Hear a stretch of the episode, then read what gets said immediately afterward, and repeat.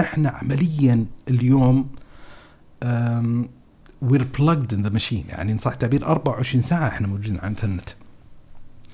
ولذا أنت جرب هذا. مثلا آه، جلست مثلا ساعة وما جاتك رسالة واتساب تتشكك إن إن في شيء حاصل. اقرأ وربك الأكرم الذي علم بالقلم. علم الإنسان ما لم يعلم. فقضيه التعليم نون والقلم وما يسطرون يعني ترى مسألة تستدعي نوع من انواع يعني أصلا جزء كبير من ثقافة الإنسان جزء كبير من الحضارة الإنسانية البشرية مؤسسة على فكرة الكتاب لأن الكتاب هو المورث والناقل للمعرفة العلمي نعم. الذي يتناقل عن طريقه وتتراكم المعرفة عند الإنسانية البشرية. يجد هنالك نوع من أنواع الداعي النفسي غير الواعي الذي يحمله بشعور أو بغير شعور أنه يفعل. كل ما جالس فاتح الكتاب وقاعد يقرأ هنالك صوت قاعد يتصاعد في نفسه يتصاعد في نفسه يتصاعد في نفسه ثم يستطيع أن يقمع هذا الصوت إيش يسوي؟ يروح يطلع الجوال. بل في دراسات تثبت هذه المسألة نسبة كبيرة جدا من الطلاب آه، يتحدثون. نحن لا نستطيع أن نستمر في قضية الدراسة لأكثر من عشر دقائق من غير أن ننظر في الجوال.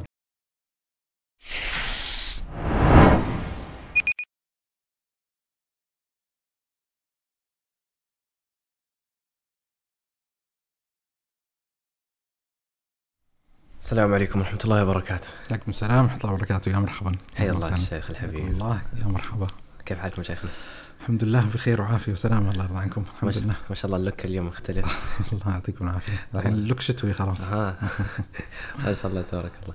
شيخنا في زمن آه يجد كثير منا نفسه يتصفح مواقع التواصل بحالة لا نهائية. فيخلط بهذه الحالة الأماني الكبيرة في تحصيل المعارف ونيل العلوم. فبين شهوة التصفح والرغبة في نيل المعارف يجد كثير من طلاب العلم والمهتمين بالثقافة أنفسهم محتجزين في قفص في قفص الجمود التحصيلي. إن تقول ذلك فينبثق من عمق هذه المعاناة سؤال كيف نقرأ في ظل مواقع التواصل الاجتماعي؟ الله يعطيكم العافية. طبعا يعني هو مدخل مفترض يكون الموضوع انه أتصور إن عندنا أزمة أصلا في قضية القراءة، يعني قبل صح التعبير شبكات التواصل الاجتماعي، يعني دائما هنالك معاناة وحديث مر عما يتعلق بعلاقتنا بين قوسين غير الودود أحيانا بالكتب. وإن الشريحة المجتمعية التي تقرأ نسبتها إلى عموم المجتمع تعتبر نسبة منخفضة أكثر من اللازم كما يقال، وإن هنالك جهود ومساعي ويعني برامج متعددة وكثيرة جدا من أجل انتشال كما يقال الأمة من حالة ضعف القراءة إلى حالة أفضل في قضية القراءة لأن أحد أدوات الوعي وأدوات المعرفة وأدوات التحصيل الأساسية بل بوابة العلم الكبرى هي قضية القراءة. فإذا كان عندنا أصلا أزمة آه، قبل شبكات التواصل آه، آه، في قضية القراءة في بطبيعة الحال بيكون هنالك الأزمة كما يقال أكبر وأعمق وأكثر تجذرا كما يقال. وهذا يتلمس الإنسان حتى الشخصيات اللي عندها قدر من الإقبال على فعل القراءة بمجرد ما دخل في عالم الإنترنت كما يقال ودخل في عالم شبكات التواصل الاجتماعي تغير معطيات كثير جدا مما يتعلق بعلاقته مع الكتب. وبالتالي من الضروري أن يدار الملف ويدار الحديث على هذه الخصوصية، يعني هنالك حديث مهم متعلق بقضية القراءة وأهمية الكتاب وأهمية التحصيل المعرفي عن طريق المطالعة يقابله كذلك كلام أكثر خصوصية فيما يتعلق بعلاقتنا بالكتاب، علاقتنا بالمعرفة بشكل عام في ظل شبكات التواصل الاجتماعي. يعني حتى الندل في الموضوع يعني أحد المقدمات الأساسية اللي احتاج أن نعيها أن الإنسانية أو البشريه كانت في في ماضي الأيام تعيش في عوالم متباينة. وهذه العوالم المتباينة كانت تباينا كبيرا جدا إلى درجة أن قد يعصف حدث بجغرافيا معينة ولا يكون له أدنى تأثير على جغرافيا أخرى، يعني عمليا الكرة الأرضية كانت مشكلة من عدة عوالم وليست عالما واحدا. اللي حصل الآن يعني في سنوات يعني ليست بالقريبة الحقيقة أن بات حديث مطول فيما يتعلق بفكرة القرية الكونية إن صح التعبير. وفي نبوءات نبوية على قضية تقارب الزمان وتقارب الأسواق وأن أحد التفسيرات المتعلقة بتقارب الزمان وتقارب الأسواق اللي هو هذا المعطى الحضاري المعاش اليوم بتحول البشرية وتحول العالم من قضية العوالم المتعددة إلى القرية الكونية الواحدة إن صح التعبير. وأن الحدث الذي يضرب يعني خلينا نقول جغرافيا من الكرة الأرضية اليوم ستنعكس تأثيراته بشكل متتابع ومتسارع إلى بقية الجغرافيا الأرضية. ويقيس الإنسان كذا يستطيع الإنسان مقارنة هذه المسألة بالمعطيات الآنية القائمة الموجودة اليوم. يعني يعني مثلا الحدث القريب الأوكراني على سبيل المثال وانعكاساته وتردداته العالمية ما يتعلق بالأحداث اللي تحصل في الأرض الطيبة المباركة في غزة. آه، يجد الإنسان فعلا اصدائها آه، تتردد. هي هي يعني صح التعبير هي الهم الكوني الأوحد الموجود اليوم. يعني حتى المواقف الطريفة لما آه، انضممت لفريق سيبينز آه، طلبوا من الزملاء إنه يصير الإعلان عن طريق إجراء حوار وإجراء مقابلة مع المدير التنفيذي المؤسسة آه، حبيبنا حمزة. فأنا ما أخفيك يعني ردة الفعل الأولية من تقديم هذا الإعلان خصوصا بين قوسين ان يكون باللغة الإنجليزية هي ردة فعل سلبية ان ما عندي رغبة ف وفي نفس الوقت ما أستطيع الاعتذار من الأخوة يعني أحبتنا فاقترحت على حمزة قلت له ما عندي مانع طبعا الإعلان وكذا كذا بس إيش المانع إن نسوي لقاء مع محمد حجاب إيه. باعتبار محمد حجاب ناطق باللغة العربية ويصير اللقاء باللغة العربية ويصير سبتايتلز يعني الترجمة النصية نعم فقال لي يعني إن الأفضل خيار إنه يجرى حوار باللغة الإنجليزية باعتبار إن الإعلان أساسي موجه إلى جمهور ناطق باللغة الإنجليزية. فإن صح التعبير لم تنجح خطة ألف. فانتقلت إلى Plan B إلى خطة باء فقلت له شوف يا حمزة.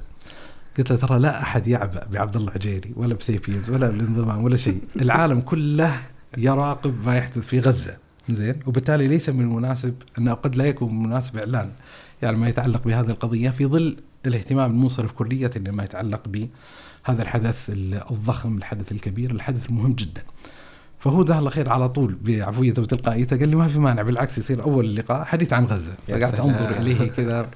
قلت له يعني هذا كان آخر ما في جعفتي لا مفر خلاص إيه، فاللي حصل بعدين تداعيات ما يتعلق باللقاء. فالشاهد إن يعني العالم تحول تحول من عوالم متعددة إلى عالم واحد وأحد الأشياء اللي ساهمت. لاحظوا الأثر المزدوج ساهمت في تخليق هذه الوحدة لهذا العالم اللي هو شبكات التواصل الاجتماعي ما يتعلق بعالم الإنترنت. والعجيب والغريب اللي حصل بعدين إن مع توحد هذا العالم نشأ عندنا بفعل شبكات التواصل الاجتماعي والإنترنت بشكل عام اللي هو عالم جديد. صار يعبر عنه بالعالم الافتراضي. يعني الآن صار للإنسان أسبه الشخصية المزدوجة. هنالك حضور حقيقي آه، في عالم الواقع وعالم الحقيقة وله حضوره الافتراضي كذلك. والمشكلة اللي تحصل لبعض الناس إن قد تشكل أولوية الحياتية ما يتعلق بمعطيات حياته الافتراضية أكثر من حياته الواقعية.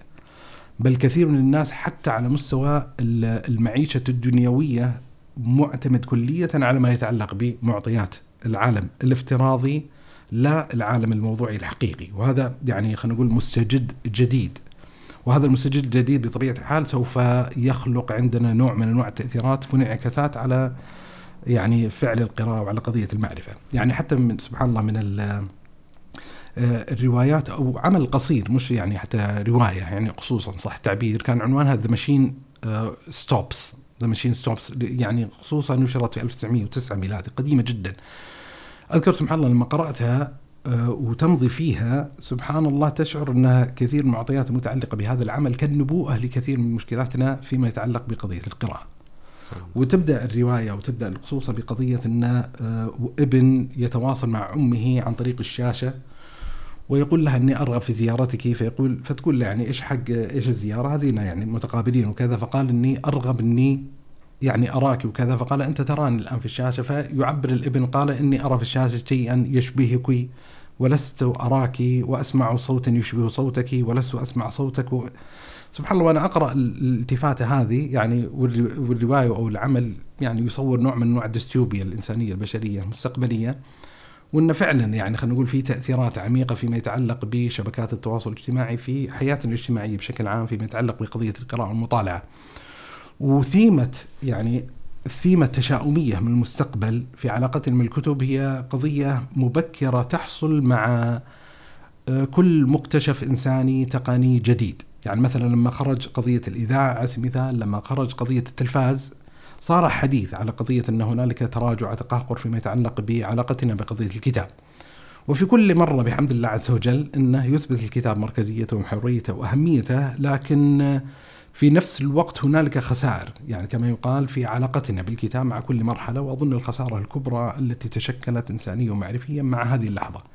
يعني مثلا من الروايات المبكرة رواية نشرت في يعني 1950 حواليها تقريبا ما أتذكر الرقم بالضبط بس رواية مشهورة اسمها فرنهايت 451 يعني تصور دستوبيا إنسانية بشرية مستقبلية وعلاقة غير ودودة بالكتاب إنها وصلت أشبه البشرية لنوع من أنواع القناعة بأن آه، سبب الفرقة سبب الانقسام سبب التشظي سبب العداوات الموجودة بين الحالة الإنسانية البشرية عائد إلى الكتب. وأن هذه الكتب هي التي تفرقنا بحكم المعارف والعلوم الموجودة فيها فصار هنالك مؤسسات تابعة لدول العالم والحكومات للقضاء على الكتب وأن طبعا في جيوب إنسانية بشرية ومجموعات تحافظ على الكتب وأن في ملاحقة لما يتعلق بهذه الكتب وتلافها وحرقها في سردية معينة. فيعني تصور يعني كما يقال عالم مستقبليا تحارب فيه الكتب يعني بالقوة وأحد الاقتباسات اللطيفة الموجودة في في الكتاب نوع من أنواع المحاورة فيقول إن أنت لست بحاجة من أجل القضاء على حضارة إنسانية بشرية أن تحرق الكتب وإن من المطلوب منك أن تقنع الناس بعدم أهمية القراءة. وهذه يعني قضية تعزز أهمية ومحورية ومركزية أن أن نهتم بالبرامج العملية المتعلقة بالارتباط الودود كما يقال بالكتاب. والمشكلة اللي أتصورها إن بعض الناس اللي يستمعون إلي قد يرون إن في الكلام نوع من أنواع المبالغة أو يعني إن ما له داعي إن يتشائم الإنسان هذا التشاؤم الكبير جدا وإنه لا زال يعني كما يقال حضور الكتاب بحمد الله حضور طيب ويعني معارض الكتب لا زالت قائمة موجودة ولا زال هنالك قراء بحمد الله عز وجل ولا زال هنالك الارتباط الودود يعني كما يقال بالكتب والحقيقة أحد النماذج التفسيرية الجيدة اللي يستصحبها الإنسان في هذا السياق يعني مصطلح صكه أحد الغربيين اسمه مارك برينسكي. مارك برينسكي. مصطلح اللي يسماه the digital native و the immigrant the immigrant digital immigrant اللي هو قضية المهاجر الرقمي والمواطن الرقمي. يعني إيش اللي حاصل؟ إن في شخصيات معينة هاجرت من العالم الحقيقي، العالم الفعلي إلى عالم الافتراض، إلى عالم الإنترنت وهم الشخصيات اللي عاشوا كما يقال اللحظتين.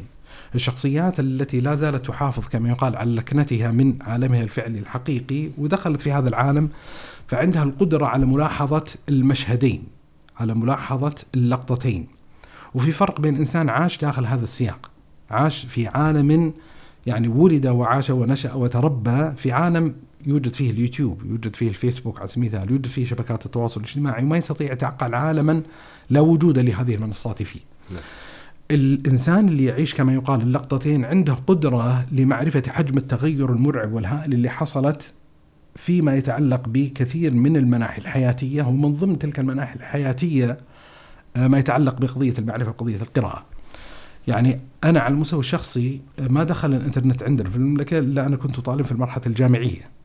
وبالتالي نشأ الإنسان فترة زمنية حياتية لا بأس به من حياته لا وجود يعني كما يقال للإنترنت فضلا عن شبكات التواصل الاجتماعي اللي أتت متأخرة.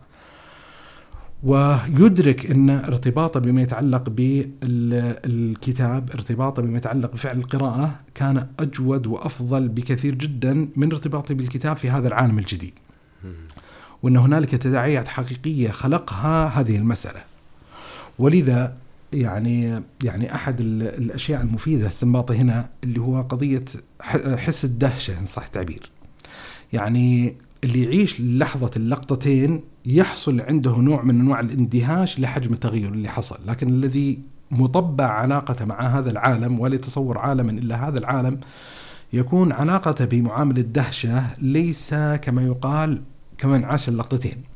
يعني خلني أضرب يعني مثلين يعني مثال تراثي ومثال من وحي الواقع المثال التراثي اللي هو الإمام ابن تيمية رحمة الله تبارك وتعالى عليه كان يسوق بعض الأدلة المتعلقة بوجود الله عز وجل فأبدأ ملاحظة معينة أن هنالك أمور معينة يستعظمها الإنسان وتستدعي من المسلم نوع من التسبيح وذكر الله سبحانه وتعالى من مخلوقات الله سبحانه وتعالى في حين هنالك نوع من أنواع التماس المباشر مع مخلوقات أكثر عظمة لكن يغيب عن الإنسان حس الدهشة إن صح التعبير، يعني ممكن الإنسان مثلا جالس في الشارع وكذا وفجأة يجي برق وصوت عالي جدا وكذا فيشعر بنوع من أنواع القلق والخوف ويشعر بعظيم قدرة الله عز وجل ويسبح الله سبحانه وتعالى. في حين آه، يتماسل الإنسان مثلا مع بدنه مع نفسه مع يعني كثير من المحيط الذي يحيط به ومع ذلك لا تستدعي هذه المشاهد وهذه اللقطات والتي قد تكون أعظم في الإبانة عن قدرة الله سبحانه وتعالى من تلك اللقطة. فيقول ينبه الإشارة ابن تيمية إلى هذه القضية يعني لما يقول الله عز وجل وفي أنفسكم أفلا تبصرون ترى هنالك غور وعمق فيما يتعلق بهذا المعطى. يستدعي من الإنسان أحيانا نوع من أنواع التذكير بأهمية أن يدرك هذه المسألة ويدرك هذه الحقيقة. وهذا اللي يؤكد نظرية إن صح تعبير اللقطتين.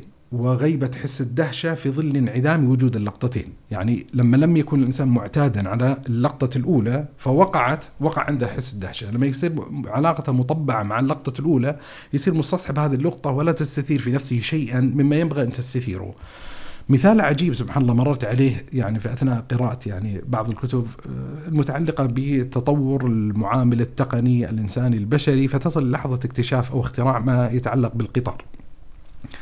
فمن التعبيرات الطريفة اللي وقفت عليه لأحدهم وهو يتحدث على قضية القطار وأثره وانعكاسه الهائل فيما يتعلق ب يعني مفاهيمنا وتصوراتنا للأشياء، يعني يقول بعد اكتشاف القطار وبعد اختراع القطار يعني هنالك تأثير عميق فيما يتعلق بمفاهيمنا منها مفاهيمنا الأولية المتعلقة بالزمان والمتعلقة بالمكان وأن القطار استطاع أن يعيد إنتاج مفهومنا وتصورنا وأن يختصر علينا ما يتعلق بالمسافات ما يتعلق بقضية المكان وان لم يعد يعني عندنا من موقف نديره إلا حيال الزمان وحده. وأنت تتكلم على قضية القطار. يعني يعني اختصاره كما يقال للمسافات لا يقارن بما اكتشفت الإنسانية والبشرية كما يقال بعد ذلك. نعم. فموطن الشاهد ان إن بطبيعة الحال هنالك انعكاسات خطيرة وانعكاسات كبيرة فيما يتعلق بشبكات التواصل الاجتماعي، ما يتعلق بالعالم الافتراضي، ما يتعلق بالإنترنت. ويعني إدراك الإنسان لهذه الحقيقة يستدعي نوعا من أنواع مراجعة النفس، مراجعة الذات فيما يتعلق بخصوص علاقتنا بالكتاب بخصوص علاقتنا بفعل القراءة طيب جزاك الله خير شيخنا الحبيب أه الحديث هذا يجرنا إلى سؤال يعني ما هو تأثير ممكن ندخل شوية نتعمق شوية في الموضوع تأثير مواقع التواصل على القراءة نفسها. طيب. طيب خلينا نرجع كما يقال الخطوة إلى الوراء يعني وإن كان هذا ليس داخلا في صلب الحلقة لأن الحلقة القراءة في زمن شبكات التواصل صح التعبير لكن أظن من الجيد فتح بعض النوافذ المتعلقة بتأثير شبكات التواصل الاجتماعي على حياتنا كبشر وناس. يعني هنالك تعبير الحقيقة لافت أظنه لأحد المدراء التنفيذيين السابقين لجوجل. يقول فيه أن نحن أو البشرية في أعظم يعني تجربة تمر في تاريخ الإنساني والبشرية ولا نعلم ما الذي ستؤول إليه النتائج يعني لا زلنا كما يقال متأثرين بشبكة التواصل الاجتماعي وخلنا نتعامل مع الموضوع كأنما نحن موجودين في مختبر وترى نحن إلى هذه اللحظة لا نتحدث على الأثار والنتائج لما يجري داخل هذا المختبر. إلى الحين لا نعرف تماما إلى أي مدى سيصل إليه عمق التأثير، وبالتالي لما يتحدث الإنسان على شبكات التواصل الاجتماعي وأثرها علينا كبشر وكناس أنت لا تتحدث بطبيعه الحال على قضية التأثير في المعامل المعرفي أو المعامل المتعلق بالقراءة بشكل أكثر خصوصية. تتكلم على تأثيرات متعلقة بالحياة الاجتماعية يتعلق بالحياة السياسية آه، ما يتعلق بالجوانب القانونية ما يتعلق بالجوانب النفسية الصحية وغيرها. فالحديث الحقيقة ذو شجون. وأنا بس هنا ودي بس إني أفتح كما يقال نوافذ. آه، ان تيسر مستقبلا ان يستطيع الإنسان يفصل الكلام كثيرا فيما يتعلق بهذه النوافذ وإلا على الأقل يعني غطى الإنسان شيئا يعني أو فتح بعض الآفاق المتعلقة بهذه القضية. آه، مثلا من الأشياء الخطيرة اللي خلقتها شبكات التواصل الاجتماعي فيما يتعلق بعلاقاتنا الاجتماعية أن شكلت كما يقال روابط اجتماعية جديدة وغيبت روابط اجتماعية معينة. وهذه أظن اني غطيت بعض الجوانب المتعلقة فيها في حلقة الحب في زمن الحداثة. عندي حلقة فتحدثت فيها على أنماط الصداقات وأنماط العداوات اللي يخلقها شبكات التواصل الاجتماعي. يعني ما يعبر عنه مثلا بقضية العلاقات ذات الضريبة المنخفضة. مثلا ما الحديث على قضية آه، علاقات الجيب العلوي.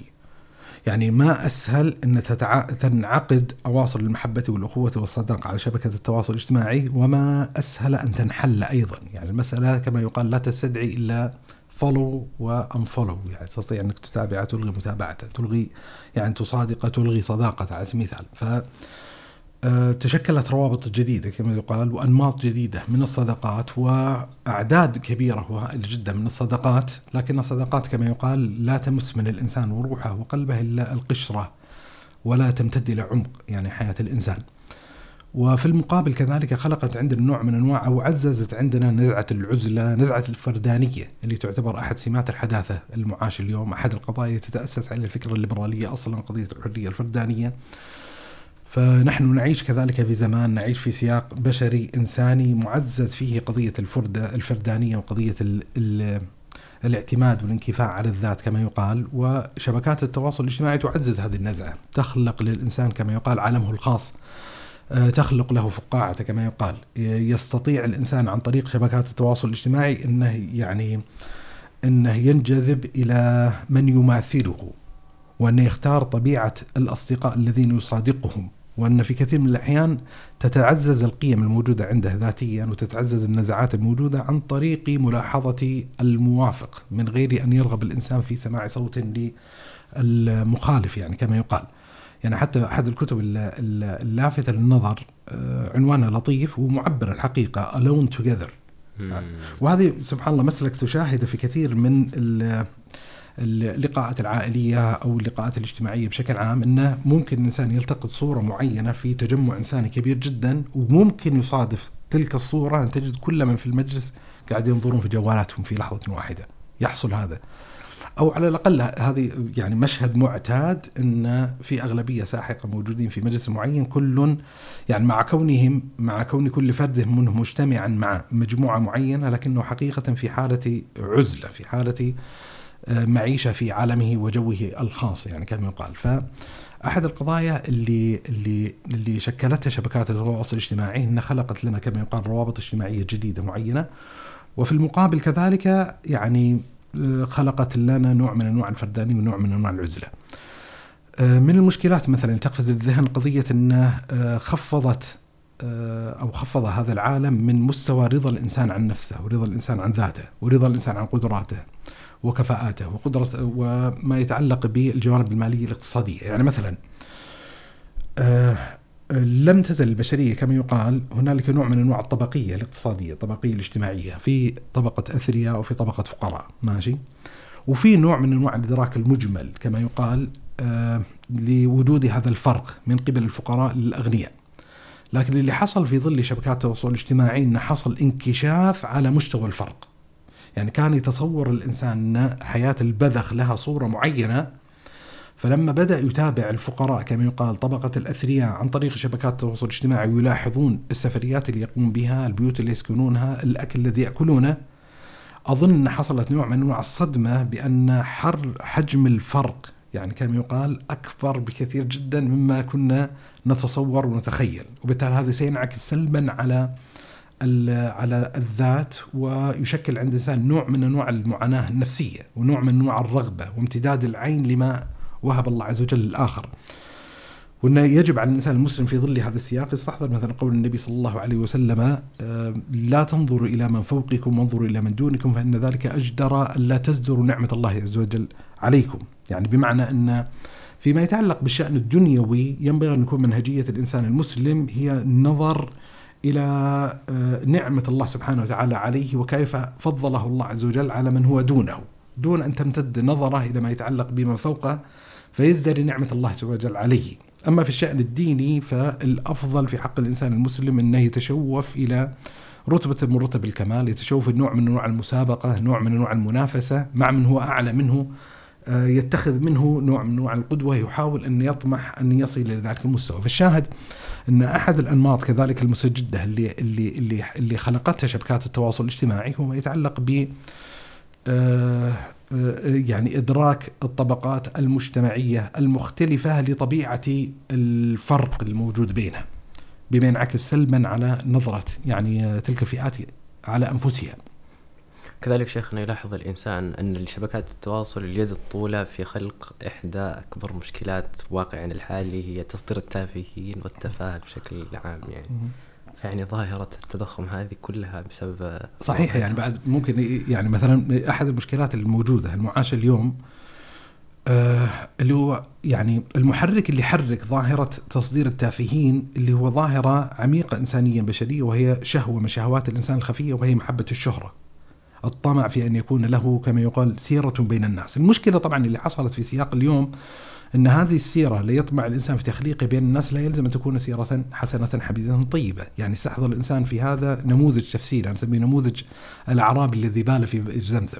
يعني أنه يفسر كثير من الممارسات الحاضرة والحاصلة والقائمة في حياة الإنسانية البشرية اليوم أن كثير من من تصدر في المشهد وحقق لنفسه نوع من أنواع الشهرة. ترى بوابة الشهرة في كثير من الأحيان هي موقف تافه وليس هنالك شيء حقيقي يستطيع هذا بين قوسين التافه أن يقدمه للناس ويقدمه للمجتمع ومؤلم الحقيقة هذا المشهد يعني مؤلم يعني هذه المتابعات المليونية لشخصيات معينة ليس لها يعني أي مجهودات حقيقية تقدمها في دنيا الناس ولا في دينهم يعني إلى درجة أحد الظواهر الاجتماعية الجديدة المتشكلة والغريبة والعجيبة جدا اللي هو ظاهرة الشهرة للشهرة. يعني أذكر أحد الأصدقاء كان يتحدث يعني مع ابنه وتدري أحد الأسئلة التقليدية اللي تطرح على الأطفال اللي هو ما الذي ترغب أن تكون عليه عندما تكبر؟ ما هي الوظيفة اللي تبغى؟ هذا يبي يصير رائد فضاء وهذا يبي يصير تدري المجتمعات إنه يبي يصير رئيس دولة وهذا يبي يصير مدري إيش يعني حديث معين. نعم. فصاحبنا يقول لما سألت ابني هذا السؤال قال أبغى أصير مشهور. فبعفوية الأب وتلقائيته قال للابن طيب مشهور في إيش؟ فزي اللي تردد الابن وسكت وما أدري أشعر كأنما صدمه السؤال فقال أبغى أصير مشهور يعني يعني لأن هذا اللي حصل فعلا حقيقه إن هنالك مشاهير معينين القيمة المحورية المركزية الموجودة عندهم أنهم مشاهير ليسوا مشاهير مثلا في في في مجال اختصاصي معين وفي قضية معينة. فنعم أحد المشكلات اللي خلقها كذلك شبكات التواصل الاجتماعي ما يتعلق بتعلق الناس بالشهرة وهذا التعلق بالشهرة حمل بعض الناس على القيام بأدوار معينة، هذه الأدوار في كثير من الأحيان تكون سلبية تحقق له الشهرة آه، ثم بعد ذلك قد يكون له نوع من أنواع الحضور والتصدر الاجتماعي وانه يستحضر الإنسان في هذا السياق حديث النبي صلى الله عليه وسلم آه، لما ذكر الرويبضة قال وما الرويبضة رسول الله قال الرجل التافه يتكلم في أمر العامة طبعا أحد المشكلات اللي أفرزتها يعني إذا تحدث الإنسان أن هنالك رغبة في قضية الشهرة والتقدم الاجتماعي بأمور سلبية معينة أن قد تكون الردود والأفعال المجتمعية غير رحيمة وبالتالي أحد المظاهر كذلك الموجودة في شبكات التواصل الاجتماعي ظاهرة التنمر. لأن أحد الفضاءات اللي خلقها آه، موضوع المنصات هذه أن جعلت الإنسان كما يقال وجهين جعلت له شخصيتين يستطيع أنه يمارس أدوار معينة في العالم الافتراضي إذا قابلته وصادفته في يوم من الأيام على الشارع أو في ملتقى أو في مجتمع معين لن يمارس ذات الأخلاقيات والقيم التي تمارسها في هذا العالم. وبالتالي قد آه، قد يسب قد يشتم قد يظهر أخلاقيات معينة تعززت بحكم آه هذا الفضاء الجديد اللي هو في شبكات التواصل الاجتماعي فأحد المظاهر اللي تستدعي نوع من أنواع المناقشة والتأثيرات السلبية اللي خلقها ما يتعلق بهذه المسألة اللي هو ظاهرة التنمر. أحد الأشياء سبحان الله اللي اللي اللي استحضرتها أذكر أول ما دخل Clubhouse عندنا في المملكة وكذا كتطبيق معين وبعدين عندنا Spaces وكذا اللي هو ظاهرة سميتها ظاهرة الانكشاف المجتمعي بعضه على بعض. يعني قديما آه، قد يعيش الإنسان في سياق مجتمعي معين لا يجد مختلفا عنه. يعني مختلف عنه دينيا طائفيا عرقيا شيء معين. يعني أنه يعيش في مجتمعه ويحتك مع نظرائه وأمثاله من غير أن يحتك كما يقال بآخر. ممكن يعيش الإنسان حياته كلها ولا يجد مفارقا دينيا له على سبيل المثال. لما دخل عالم الإنترنت علينا أحد الأشياء اللي حصلت إنه حصل نوع من أنواع الانكشاف كما يقال على الآخر، لكن ظلت إلى حد ما في نوع من أنواع العزلة، يعني بمعنى إن في منتديات والمنتديات هذه لها توجهاتها فيستطيع الإنسان أن يغادر منتداه فيطلع على ما عند أصحاب الفكر الآخر أو القضية الأخرى. بعدين مضت الحياة ثم دخلنا في عالم آه، شبكات التواصل الاجتماعي ال social media فاللي حصل إن مثلا إن حصل الانكشاف بشكل أكبر.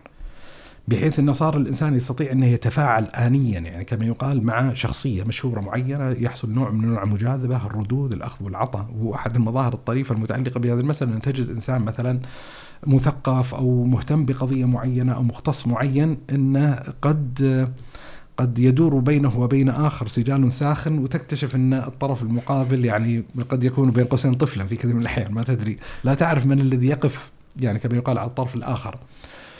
اللي حصل مثلا لما جينا الموضوع ال Clubhouse Spaces إنه حصل الانكشاف المجتمعي بشكل أكثر كثافة. فأحد الأشياء مثلا اللي اللي اللي خلقتها شبكات التواصل الاجتماعي ان خلقت هذا الانكشاف آه، المجتمع كما يقال بعضه على بعض والانكشاف الشديد والمرعب فيما يتعلق بعالم الأفكار. فهذه كذلك يعني ملاحظة، مثلا من الملاحظات؟ شيخ بس دقيقه على فكرة نقطة الأفكار، هل تعتقد أن ال social media يعني المواقع شبكات التواصل الاجتماعي قد يكون لها دور في تضخم أفكار في حين أن في يعني في المجتمع الحقيقي ما لها ظهور حقيقي يعني؟ أي. فهل هل لها يعني يعني طبعا هذه أحد الملاحظات يحتاج يراعيها ترى لا يلزم بالضرورة أن يكون كل تفاعل يحصل في عالم الافتراض إنه هو انبثاق حقيقي على الاهتمامات الإنسانية الحياتية الموجودة في حياة الواقع. نعم. وهنالك كما يقال شواهد متعددة تكشف عن هذه القضية إن هل هنالك نوع من أنواع الرابطة في مسارات معينة قد تكون معبرة عن وجود رابطة معينة وفي مسارات أخرى قد لا تكون بالضرورة معبرة عن رابطة معينة. ولذا مثلا من المظاهر الموجودة وهذه يعني أحد المسائل اللي تستدعي نوع من أنواع المناقشة والتفاعل إن المزاج الموجود في كثير من منصات شبكات التواصل الاجتماعي لا يلزم بالضرورة أن يكون آه، مزاجا عفويا كما يقال، لا يلزم بالضرورة أن يكون معبرا عن التفاعلات الحقيقية الواقعة على الأرض بل قد تكون نوع من أنواع صح التعبير المزاج المفتعل كما يقال. آه ولذا يعني يعني آه يعني أستطيع أني أضرب المثل مثلا ببعض الترندات المشهورة الموجودة مثلا في تويتر تجد إن إن في ترندات يعني كما يقال قذرة منحطة سافلة يعني آه يعني علاقتها فيما يتعلق بالمجال الجنسي لا يمكن أن يكون مبررا وانعكاسا حقيقيا لواقع المجتمع الذي يعيش فيه الإنسان ويختلط به الإنسان. فالشاهد إن إن لا يلزم يعني كما يقال بالضرورة. مثلا من الأشياء اللي تقفز إلى الذهن يعني كما يقال فيما يتعلق بتأثيرات شبكات التواصل الاجتماعي العميق والكبير في حياتنا اللي هو قضية آه، عدم اغتفار هذا الفضاء لأخطاء الإنسان وأخطاء البشر، يعني أحد الحقوق التي يتم المنادى بها اللي هو حق الإنسان في النسيان، يعني بمعنى حق الإنسان في أن تنسى اخطائه. يعني مثل ما ذكرنا الحين نتكلم على أن هنالك تافهين، مثلا تصدروا في المشهد في ظل تفاهة، طيب افترض أن هالبني آدم تاب. ورغب إنه ينكفئ كما يقال على حياته الخاصة، تلك الصورة اللي اشتهر بها وهي صورة بشعة مؤلمة وكذا من الصعب جدا في فضاء الإنترنت أن يتخلص الإنسان منها. ولذا هنالك يعني حتى مطالبات من ناحية القانونية اللي هو قضية انه كيف يستطيع الإنسان أن يسلخ نفسه ويعزلها آه، ويزيل ذكراه. يعني كما يقال من هذا العالم الافتراضي. يصعب جدا. يعني إذا آه، إيش المثل الإنجليزي يقولون the rabbit hat ولا ما أدري يعني شغلة اللي هو قضية انه انه صعب أن تعيده. ال genie out of the bottle ما أدري شغلة معينة. الفكرة انه إذا خرج في كثير من الأحيان صعب أن تعيده يعني كما يقال إلى القمقم تعيده يعني. فهذا مجال معين. مثلا من الأشياء اللي استحضرها كذلك اللي هو وجانب متعلق يمكن بالقضية الثانية تلاشى الخصوصية. وهو دور مزدوج غريب. يعني من جهة معينة آه، كثير من الناس في عالم الافتراض يتساهل في إبراز وابداء كثير من خصوصياته وفي جانب ثاني آه، يصعب على الإنسان المحافظة على خصوصياته في هذا العالم الافتراضي. وهي قضية مرعبة وقضية صادمة خصوصا فيما يتعلق بإعدادات بعض التطبيقات وغيرها، يعني أنا أذكر قديما مثلا عندك تطبيق Google Maps موجود في الجوال زين؟ حجزت لي رحلة تذكرة مثلا وحجزت لي سكن مثلا في بلدة معينة. وفاجأ في تطبيق Google Map بحكم إنه مسوي login زين. آه إنه حاط تاريخ التذكرة موجودة على المطار اللي بيتم الإقلاع منه ومحطوط يعني على الفندق اللي أنا حاجز فيه آه مواعيد ال check in وال check out ف فتلاحظ ان ان ما كان يخطر لي على بال إن هذه المعلومة كما يقال ستكون مدركة معروفة إلى جهة معينة. حتى هنالك نوع من أنواع النكات هنالك مقاطع مرئية موجودة في اليوتيوب تعبر على قضية قضية عدم الخصوصية إن إن قد تتطور علاقتنا مع هذا العالم الافتراضي أن تريد الاتصال على مطعم من المطاعم. المطعم هذا عنده خدمة الرد الآلي عن طريق تطبيق خلينا نفترض جوجل موجود الظاهر مقطع بهذه الطريقة فيتصل أنه يطلب طلب معين. فيقول له بس آه، ما يصلح الطلب الفلاني لأن عندك المرض الفلاني. يقول له طيب ما أدري إيش وكذا. فيقول له مثلا حسابك البنكي ما يستطيع إنه يغطي هذا يعني عرفت اللي هو شبكة المعلومات. فهنالك حديث متعدد وكثير جدا فيما يتعلق بقضية أزمة الخصوصية وفكرة البرايفسي وطبعا يعني أظن إن كل عنصر أصلا من العناصر هذه قضية التنمر قضية الخصوصية قضية حق الإنسان في النسيان يعني كما يقال آه، كل نقطة وكل عنصر من هذه الآثار الاجتماعية يستدعي كما يقال حديثا قائما بذاته ولذا من أعظم أصلا القضايا اللي ما يستطيع أن يغطيها الإنسان والموضوع كما ذكرت ليس متعلقا بالآثار والتداعيات الاجتماعية اللي خلفها آه، شبكات التواصل الاجتماعي في حياتنا اللي ما يتعلق بقضية الإباحيات. وهو يعني حديث يعني كما يقال طويل طويل ومؤلم ويستدعي يمكن إفراد يعني حلقة خاصة وهنالك مبادرات الحقيقة موجودة في الواقع تعبر عن هذه القضية. وتعلق الإنسان بالإباحيات غير أنه ذنب ومعصية وأمر يبعده عن الله سبحانه وتعالى وينعكس على ديانته سلبا فهو يؤثر تأثير عميق وخطير جدا فيما يتعلق بالروابط الاجتماعية، ما يتعلق بقضية إقبال الإنسان على ما يتعلق بقضية الزواج بل يعني حتى أذكر في كتاب لفيليب زمباردو إحنا ذكرنا مرة كتاب اللي هو تأثير الشيطان The Lucifer Effect عنده كتاب آخر اسمه The Demise of Guys يعني أظن مثلا ترجمة قد تكون مناسبة انقراض الرجولة. فكان يتحدث على قضية العالم الافتراضي والآثار والتداعيات اللي خلقها على مسألة الرجولة رجولة الإنسان وكذا فاهم؟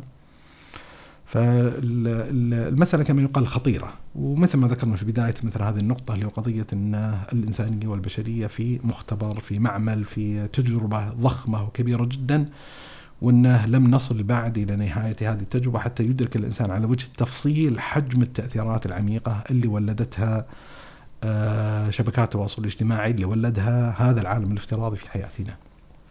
طيب جميل شيخنا الحبيب. لو نرجع خطوة للأمام الآن ونرجع لموضوعنا اللي هو تأثير مواقع التواصل على القراءة.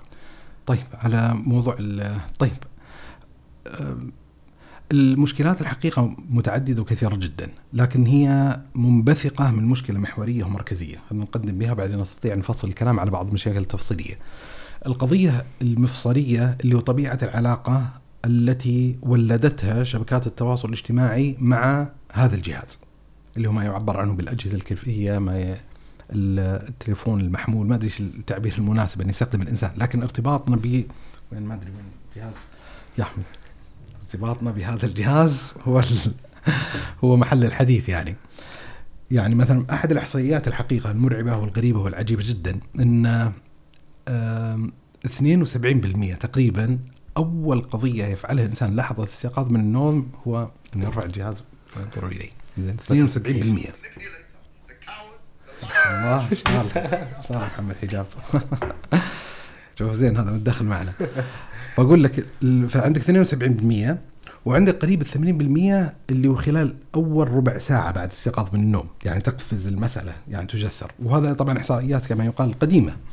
مثلا من الإحصائيات العجيبة اللي وقفت عليها إن يعني 25% لا يتذكرون يوما كان الجهاز كما يقال بعيدا عنهم.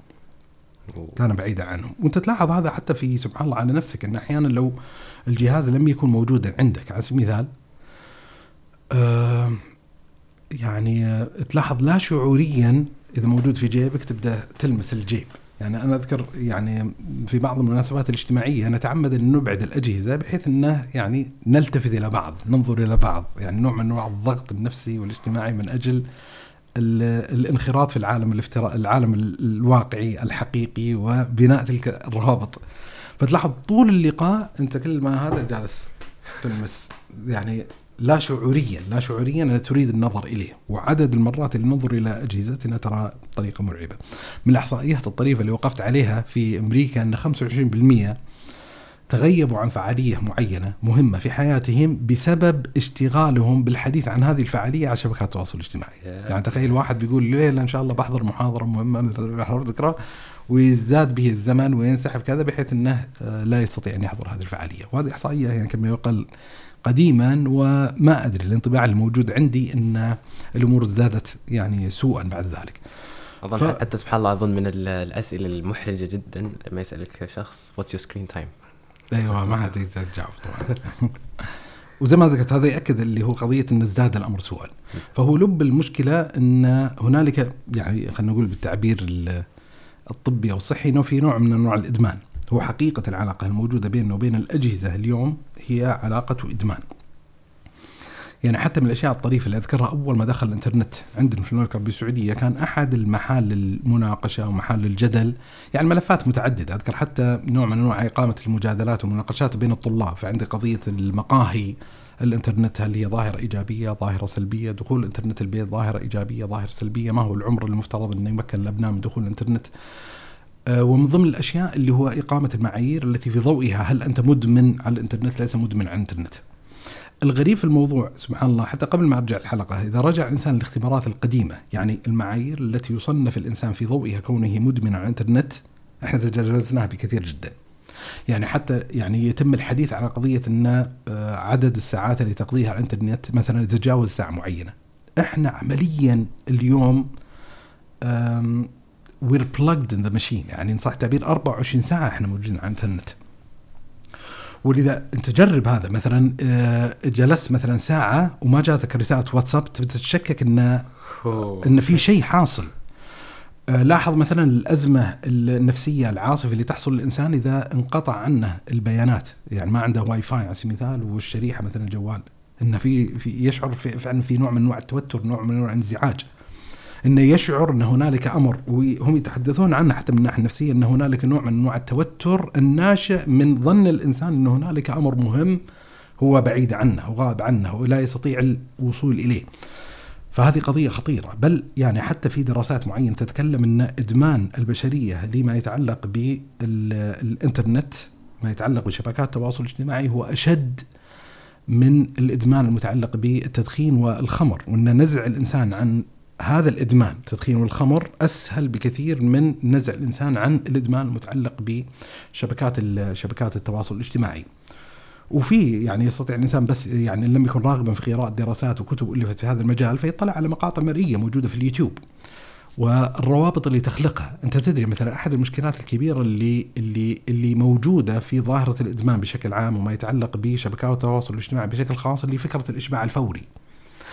يعني بمعنى إن الإنسان يكافئ يكافئ على قضية معينة يعني بمجرد ما تنشر صورة معينة تكتب تغريدة معينة تنشر post معين تنشر مقطع فيديو معين تبدأ تتابع يعني تنتظر لحظة الإشباع تنتظر لحظة ال like تنتظر لحظة الدوبامين يعني لحظة ما تشوف إنه يعطيك notification إنه إنه حصل like على سبيل المثال أو جاك تعليق معين أو في reply على على الرد على الرسالة اللي كتبتها أه يجيك الدوبامين هذا. والمشكلة طبعا إن لا يستطيع الإنسان في ظل الإدمان أن يتوقف عند مستوى واحد. يحاول انه يزيد كما يقال الجرعة يزيد الجرعة. فيصير الإنسان يطلب مكافأة أعلى. فإذا مثلا كان ينشر صورة ويحصل على 50 لايك على سبيل المثال بعد فترة يبغى أكثر. فهذا يستفزه إلى تخليق إيش؟ إلى مثلا نشر صورة معينة يتوقع من خلالها انه يصير في نوع من النوع فيدخل الإنسان كما يقال في دائرة الاستفزاز فيما يتعلق بهذه المسألة. والمصيبة طبعا وهذه قضية مهم جدا ملاحظتها وإدراكها فيما يتعلق بهذه المنصات أن المسألة ليست عفوية، ليست تلقائية، ليست متروكة آه، يعني ليست عرضا جانبيا حصل مصادفة إن وقع البشرية في إدمان هذه المنصات من غير قصد. الحقيقة ان أن المسألة ممنهجة يعني هنالك خوارزميات معينة. ليس من قبيل الصدفة المقاطع المقترحة اللي قدمت إياها اليوتيوب. ليس من قبيل الصدفة آه الأسماء اللي يقترح عليك متابعتهم مثلا في منصة معينة. البوست اللي تنشر لك في الفيسبوك هذه كلها خاضعة لخوارزميات معينة. وهذه الخوارزميات يعني تريد أن تفصل المحتوى المناسب لمزاجك بحيث أنه يراد استبقائك في هذا الفضاء أكثر أكثر فترة زمنية ممكنة. لأنه قاعد يعمل يعني في نهاية المطاف الخدمات اللي قاعد تقدمها هذه المنصات ليست خدمات مجانية. هي خدمات محكومة برأس المال هي شركات تتربح من خلال هذه المنصات. جزء كبير من تربحها يعود إلى فكرة استبقائك داخل هذا المزاج والجو. كل دقيقة نستطيع أن نأخذها من حياتك ترى هي تخدمنا ماليا واقتصاديا وبالتالي إحنا سنحاول أن نعزز التطبيق ونقدمه بطريقة معينة تزيد من حالة الإدمان الموجودة عندك تزيد من حالة إقبالك ورغبتك للمعيشة عندنا في هذا التطبيق في هذا العالم الافتراضي. وهذه مسألة الحقيقة يستطيع الإنسان ملاحظتها من خلال فيلم وثائقي ذكرته في أحد المناسبات اللي هو The Social Dilemma The Social Dilemma أظن الترجمة المعضلة الاجتماعية ما أدري يعني إن كان مناسب لكن The Social Dilemma فيلم صراحة يعني أذكر لما تابعته أول مرة كأنما تشاهد فيلم رعب يعني. يعني أنا كنت مدرك أن هنالك تأثير عميق وتأثير خطير والمسألة يعني مربكة لكن ما كنت أتخيل الموضوع بهذا الحجم. والشخصيات اللي كانت مستضافة في هذا الفيلم الوثائقي ليست يعني كما يقال شخصيات عادية بل هي شخصيات استثنائية متعلقة بهذا العالم الافتراضي. يعني بعضهم مثلا مدراء أو مدراء لأقسام أو فنيين تقنيين من ذا سيليكون فالي اللي هم يعني داخلين في صلب ما يتعلق بهذه المسألة وكما يقال يأتونك ويخبرونك عن عن واقع هذه المنصات وأن المسألة ليست عفوية تلقائية وأن حالة الإدمان اللي تخلقها هذه المنصات هي حالة مقصودة معززة محركة برأس المال وأن في كثير من الأحيان وهذا جزء من المشكلة أن آه، يحصل شيء يعني يحصل شيء معين حتى هم كانوا حاسبين حساب أن أن ستصل الأمور وتؤول إلى مثل هذا المآل. فالمشكلة يعني حتى بس لخص جزء من الكلام أن يعني أكبر المهددات المتعلقة بفعل القراءة من شبكات التواصل الاجتماعي عائد إلى حالة الإدمان حالة اللهات الشديد حالة الانغماس الكبير جدا في هذا العالم.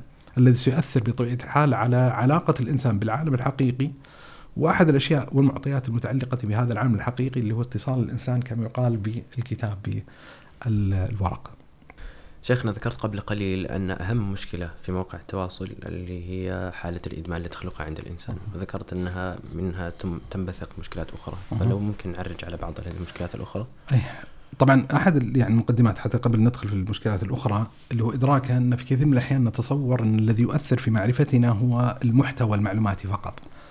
القالب الذي تقدم فيه المعلومة ترى يؤثر فيه في في وعينا في إدراكنا في قدرتنا على التهام معلومات معينة وهذه مسألة بتتجلى بشكل أو بآخر بتتضح بعد قليل يعني خصوصا فيما يتعلق بمعامل الملل من قضية القراءة وعائد إلى المزاج اللي خلقه شبكات التواصل الاجتماعي، المزاج اللي خلقه القالب الذي يمرر عن طريق المعرفة ويمرر عن طريق العلم. فهذه مسألة ضروري استحضارها ان ما يكون الإنسان مركز فقط على ما يتعلق بالمحتوى بل القالب الذي يقدم فيه المحتوى قد يكون أكثر عمقا على المستوى الاستراتيجي بعيد المدى في وعي الإنسان في إدراك الإنسان في طبيعة استقبال الإنسان لمعرفة لمعلومة معينة بحيث أن قد تجعله عاجزا عن تلقي نمط من أنماط المعلومات المشكلة البينة الواضحة الخطيرة فيما يتعلق باتصال شبكات التواصل الاجتماعي بقضية القراءة وما يتعلق بقضية القراءة من المعرفة وتحصيل العلوم اللي هو قضية استهلاك العمر واستهلاك الزمان. قضية تأثيره السلبي شديد القتامة على الوقت على الوقت. يعني رأس رأس مال حياة الإنسان كل إنسان هو الزمن الذي أعطاه الله سبحانه وتعالى إياه. وهذا الزمن اللي يعطيه الإنسان ترى هو زمن في نهاية المطاف محدود يستطيع الإنسان أن يقيم واقع فيما يتعلق بمساحة المعرفة والمطالعة والقراءة من حياته من 24 ساعة يوميا، أنت كم تقضي تقريبا؟ مثلا ساعات النوم، ساعات الأكل، ساعات مثلا وظيفية، ساعة دراسية معينة، يعني ايا كان جمع جمع جمع جمع يصفو عندك فترة زمنية معينة. هذه الفترة الزمنية المعينة تكون محل تزاحم شديد الآن وتنافس شديد بين بين مسارات متعددة. فإذا وجدت حالة الإدمان المتعلق بشبكات التواصل الاجتماعي فالإنسان تلقائيا بمقتضيات محبته بمقتضيات هواسة يميل إلى الانخراط في هذا العالم. وهذا سيؤثر سلبا بشكل خطير بشكل كبير عليه. يعني أحد سبحان الله السنن اللي أوجد الله سبحانه وتعالى هذا الكون عليه اللي هو سنة نسميها ال stop cues الفكرة أن وجود فواصل بينية بين الوظائف. يعني في نهاية المطاف عندما تدخل في نطاق مهمة معينة فهنالك شيء سترتطم به في نهاية هذه المهمة يحملك على الانتقال إلى وظيفة وإلى مهمة أخرى. يعني حتى فيما يتعلق بقضية التعبدات عندك بداية وعندك نهاية. في يعني في نوع من أنواع آه، فيما يتعلق بالقراءة مثلا. أنت عندك مثلا الغلاف الصفحة الأولى من الكتاب وتمشي تمشي تمشي تمشي وستصطدم وترتطم بنهاية الكتاب. على سبيل المثال ففي stop cues كثير من شبكات التواصل الاجتماعي عمليا لا يوجد فيها ما يعبر عنه بال stop cues لا يوجد فيها اللحظة اللي تستدعي منك بين قوسين الطبيعة أن تنصرف عن هذا التطبيق وتشتغل بوظيفة ثانية. يعني عندك مثلا سقف من المتابعين في تويتر إذا تجاوزته فعمليا افتراضيا يمكن أن يمتد ال timeline timeline إلى ما لا نهاية. عرفت إنك ما تصل إلى نهاية ال timeline ال ال سلسلة التغريدات اللي قاعد تطالعها. التيك توك ما هي النهاية. يعني أنت الحين قاعد طالع مقطع فيديو. skip skip زين إيش اللي سيحصل؟ ما في شيء بيقول لك التطبيق بعد فترة إنه خلاص انتهى. ما عندي مادة ثانية أقدم لك إياها. وقيم هذه التجربة في كثير عامة شبكات التواصل الاجتماعي تتقصد استبقائك في هذا الفضاء عن طريق بنية البرنامج بهذه الطريقة. ولذا أحد المظاهر اللي نشأت وصارت محل حديث ويستطيع الإنسان إنه يفتش في جوجل يفتش في اليوتيوب فيما يتعلق اللي يسمونها ال zombie scrolling اللي فكرة إن في نوع من أنواع المتابعة والملاحقة ويقع الإنسان في حالة من حالات الذهول حتى يغيب عن العالم الواقعي الحقيقي اللي يعيش فيه ويصير منخرطا بكليته داخل هذا الفضاء وداخل هذا العالم. يعني أحد أحد الحكايا الحقيقة المرعبة المتعلقة بهذا السياق أن الشيخ محمد المختار الشنقيطي آه، سئل في أحد الملتقيات في أحد المناسبات أن يعني شاب أنا مبتلى بقضية المتابعة المتعلقة بشبكات التواصل الاجتماعي وجدت أن هنالك أثر سلبي فيما يتعلق بتديني معرفتي بعلمي بدأ يطرح السؤال بطريقة معينة. فالشيخ محمد مختار قدم إجابة يعني لم تكن كذلك إجابة مجملة فيها قدر من التفصيل المتعلق بهذه المسألة لكن اللافت النظر والغريب جدا وتزداد ويزداد الأمر غرابة عندما يعرف الإنسان طبيعة الشيخ محمد المختار الشنقيطي. يعني إحنا في زمن الأزمان كنا نلقبه بعالم الوعاظ وواعظ العلماء أن إذا أتيته من الجهة العلمية المعرفية فرجل متمكن علميا بطريقة معمقة جدا ومحاضراته الإيمانية الوعظية التذكيرية من أجمل المحاضرات. ورجل يعني معروف كما يقال بالعبادة بقيام الليل. فللقصة هذه موقع كما يقال. فهو يتحدث إن مثل هذه التطبيقات اني كنت في ليله من الليالي مع تويتر وكذا وفعلا هي نوع من أنواع الفتنة. بعد صلاة العشاء بديت أقلب النظر فيها حتى غاب عني وردي من قيام الليل. إنما وجد نفسه إلا في السحر. فهي تخلق عندك نوع من أنواع الذهول. ويدرك الإنسان هذا من نفسه، يعني هي مسألة لا تستدعي من الانسان نوع من أنواع المحاسبة، مراجعة الذات، النظر في في حجم الوقت الذي يستهلك عالم الإنترنت من حياة الإنسان، وأن هل هو واقع في هذه الأزمة أم لا؟ وبالتالي زي ما ذكرنا عندك أنت مساحة زمنية محدودة، هذه المساحة الزمنية المحدودة إذا كان عالم الافتراض الارتباط بشبكات التواصل الاجتماعي ملاحقة المعلومات المتعلقة فيها سيأخذ حصة كبرى منها فسينعكس ذلك سلبا على مختلف النشاطات ومن تلك النشاطات نشاط القراءة. من المشكلات الخطيرة اللي خلقها كذلك شبكات التواصل الاجتماعي اللي هو قضية تخليق نوع من انواع الملل من فعل القراءة وخصوصا الملل من قراءة الكتب وكما يقال الفقرات الطويلة. يعني أنا لست ميانا للحديث الرومانسي الحالم في علاقة الإنسان مع الكتاب على كل حال. لا يعني فعل القراءة يستدعي نوع من أنواع الجدية.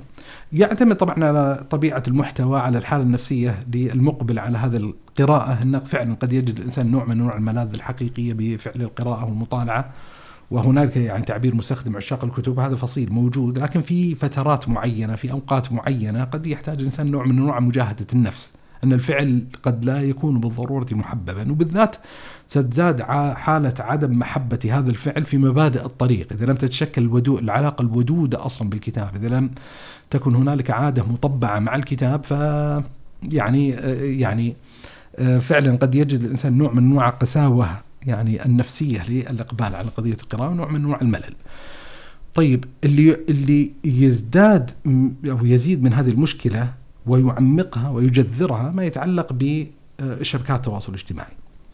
فأحد المشكلات الحقيقية القائمة الموجودة والمؤلم في هذه المسألة أنها تؤثر على أحد المكتسبات الإنسانية البشرية الكبيرة، يعني لما ينظر الإنسان في قضية اللغة وعلاقة الإنسان والبشر باللغة جزء منها مكون فطري مكون طبيعي. أمر خلق الله عز وجل عليه البشر والناس وفطرهم عليه. يعني لا يتذكر الإنسان المبادئ الأولى في حياته التي تعلم فيها كيف يتكلم. فالحديث الشفهي هي قضية كما يقال فطرية. قضية آه، هبة إلهية. أيوة قضية القراءة والمطالعة لا يتذكر الإنسان اللحظات التي بدأ يتعلم فيها كيف يقرأ. هي ليست فعلا بين قوسين نقول طبيعي لا هي قضية تستدعي نوع من أنواع نوع من أنواع الدربة نوع من أنواع النظر التأمل. ولذا حتى يعني هذه قضية على الهامش أو الفرع إن نحن للأسف نتعلم كيف نفك الخط يعني كما يقال نتعلم كيف نقرأ الأحرف ونكون منها كلمات وجمل. لكن لا تقدم لنا الدورات الكافية في الانتقال إلى الطور الثاني في كيفية استثمار هذه الأداة في فهم المعنى وتثبيت المعنى في نفوسنا. وبين قوسين كيف تقرأ كتابا؟ إحنا نعرف كيف نقرأ لكن لا نعرف كيف نقرأ الكتب؟ وهنالك بالطبيعه دورات ونقاشات بس أنا قصدي إن في كثير من الأحيان على مستوى التعليم العام يتوقف الأمر عند حدود المستوى الأول دون أن ينتقل الإنسان إلى المستويات الأخرى المتعلقة بقضية القراءة. موطن الشاهد الحين إن قضية الحديث الشفهي هي قضية آه، فطرية، قضية القراءة هي قضية تحتاج نوع من أنواع التعلم، نوع من أنواع الدربة. لا يوجد الإنسان مفطورا على القدرة على القراءة. اللي حصل سبحان الله لما يتح... يعني بعض الغربيين لما يتكلم على تاريخ الإنسان فيما يتعلق بقضية الكتاب والكتابة وقضية القراءة وهي من منن الله عز وجل علينا الكبرى. يعني مثلا لما يتحدث الله عز وجل في القرآن الكريم اقرأ باسم ربك الذي خلق خلق الإنسان من علق. اقرأ وربك الأكرم الذي علم بالقلم علم الإنسان ما لم يعلم. فقضيه التعليم نون والقلم وما يعني ترى مسألة تستدعي نوع من انواع يعني أصلا جزء كبير من ثقافة الإنسان جزء كبير من الحضارة الإنسانية البشرية مؤسسة على فكرة الكتاب لأن الكتاب هو المورث والناقل للمعرفة العلمي نعم. الذي يتناقل عن طريقه وتتراكم المعرفة عند الإنسانية البشرية يعني لو قدر أن البشرية لا يوجد عندها القلم ولا يوجد عندها الكتاب لكان قدرة تخليق حالة التراكم العلمي والتراكم المعرفي صعبة جدا صعبة جدا لكن موطن الشاهد أحد الأشياء العجيبة اللي وجدتها في بعض الكتب تتحدث على قضية الكتب وقضية الكتابة وقضية القراءة أن في بداية الأمر كان يكتب الكلام يمكن ما في سياقات حضارية معينة كان يكتب الكلام متصلا بعضه ببعض يعني بمعنى لا يوجد بينها المسافات الفاصلة بين الكلمات. فكان يضطر الإنسان من أجل أن يقرأ كتاب معين أن يقرأ بصوت عال يقرأ بصوت عال حتى يستطيع أنه يخلق هذه الكلمات اللي أحرفها متراصة بعضها حول بعض. ثم وضعت هذه المسافات المسافات لتفصل الكلمات بعضها عن بعض، ماشي؟ لما وضعت هذه المسافات الفاصلة صار هنالك قدرة على الإنسان أن يقرأ كما يقال بصريا. أن يقرأ بصريا من غير أن يرفع صوته بقضيه القراءة، القراءة البصرية فتحت المجال للقراءات المطولة. يقولون أن فتحت المجال للقراءة المطولة فانتقلنا من الرسائل المختصرة إلى القدرة على تأليف المجلدات. لأن رفع الإنسان آه، بصوته بقضية القراءة يبطئ ما يتعلق بقضية القراءة. القراءة البصرية تسرع عملية القراءة بشكل أكبر. فمن الأشياء المؤلمة أن أحد المنجزات الإنسانية البشرية الوصول إلى مرحلة يستطيع الإنسان من خلاله أن يطلع على المجلدات وأن يقرأ وأن يطالع. نوع من أنواع الانحدار كما يقال. الرجوع القهقرة إلى الخلف اللي هو إهمال هذا المكتسب. ولذا يعني مثلا آه، أصحاب اللقطتين أصحاب اللي, اللي سميناهم اللي هم المهاجرين الرقميين. المخضرمين. المهاجر اللي عاشوا قبل وعاشوا بعد. يدركون أن كنا في يوم من الأيام نقرأ الكتب نقرأ مجلدات.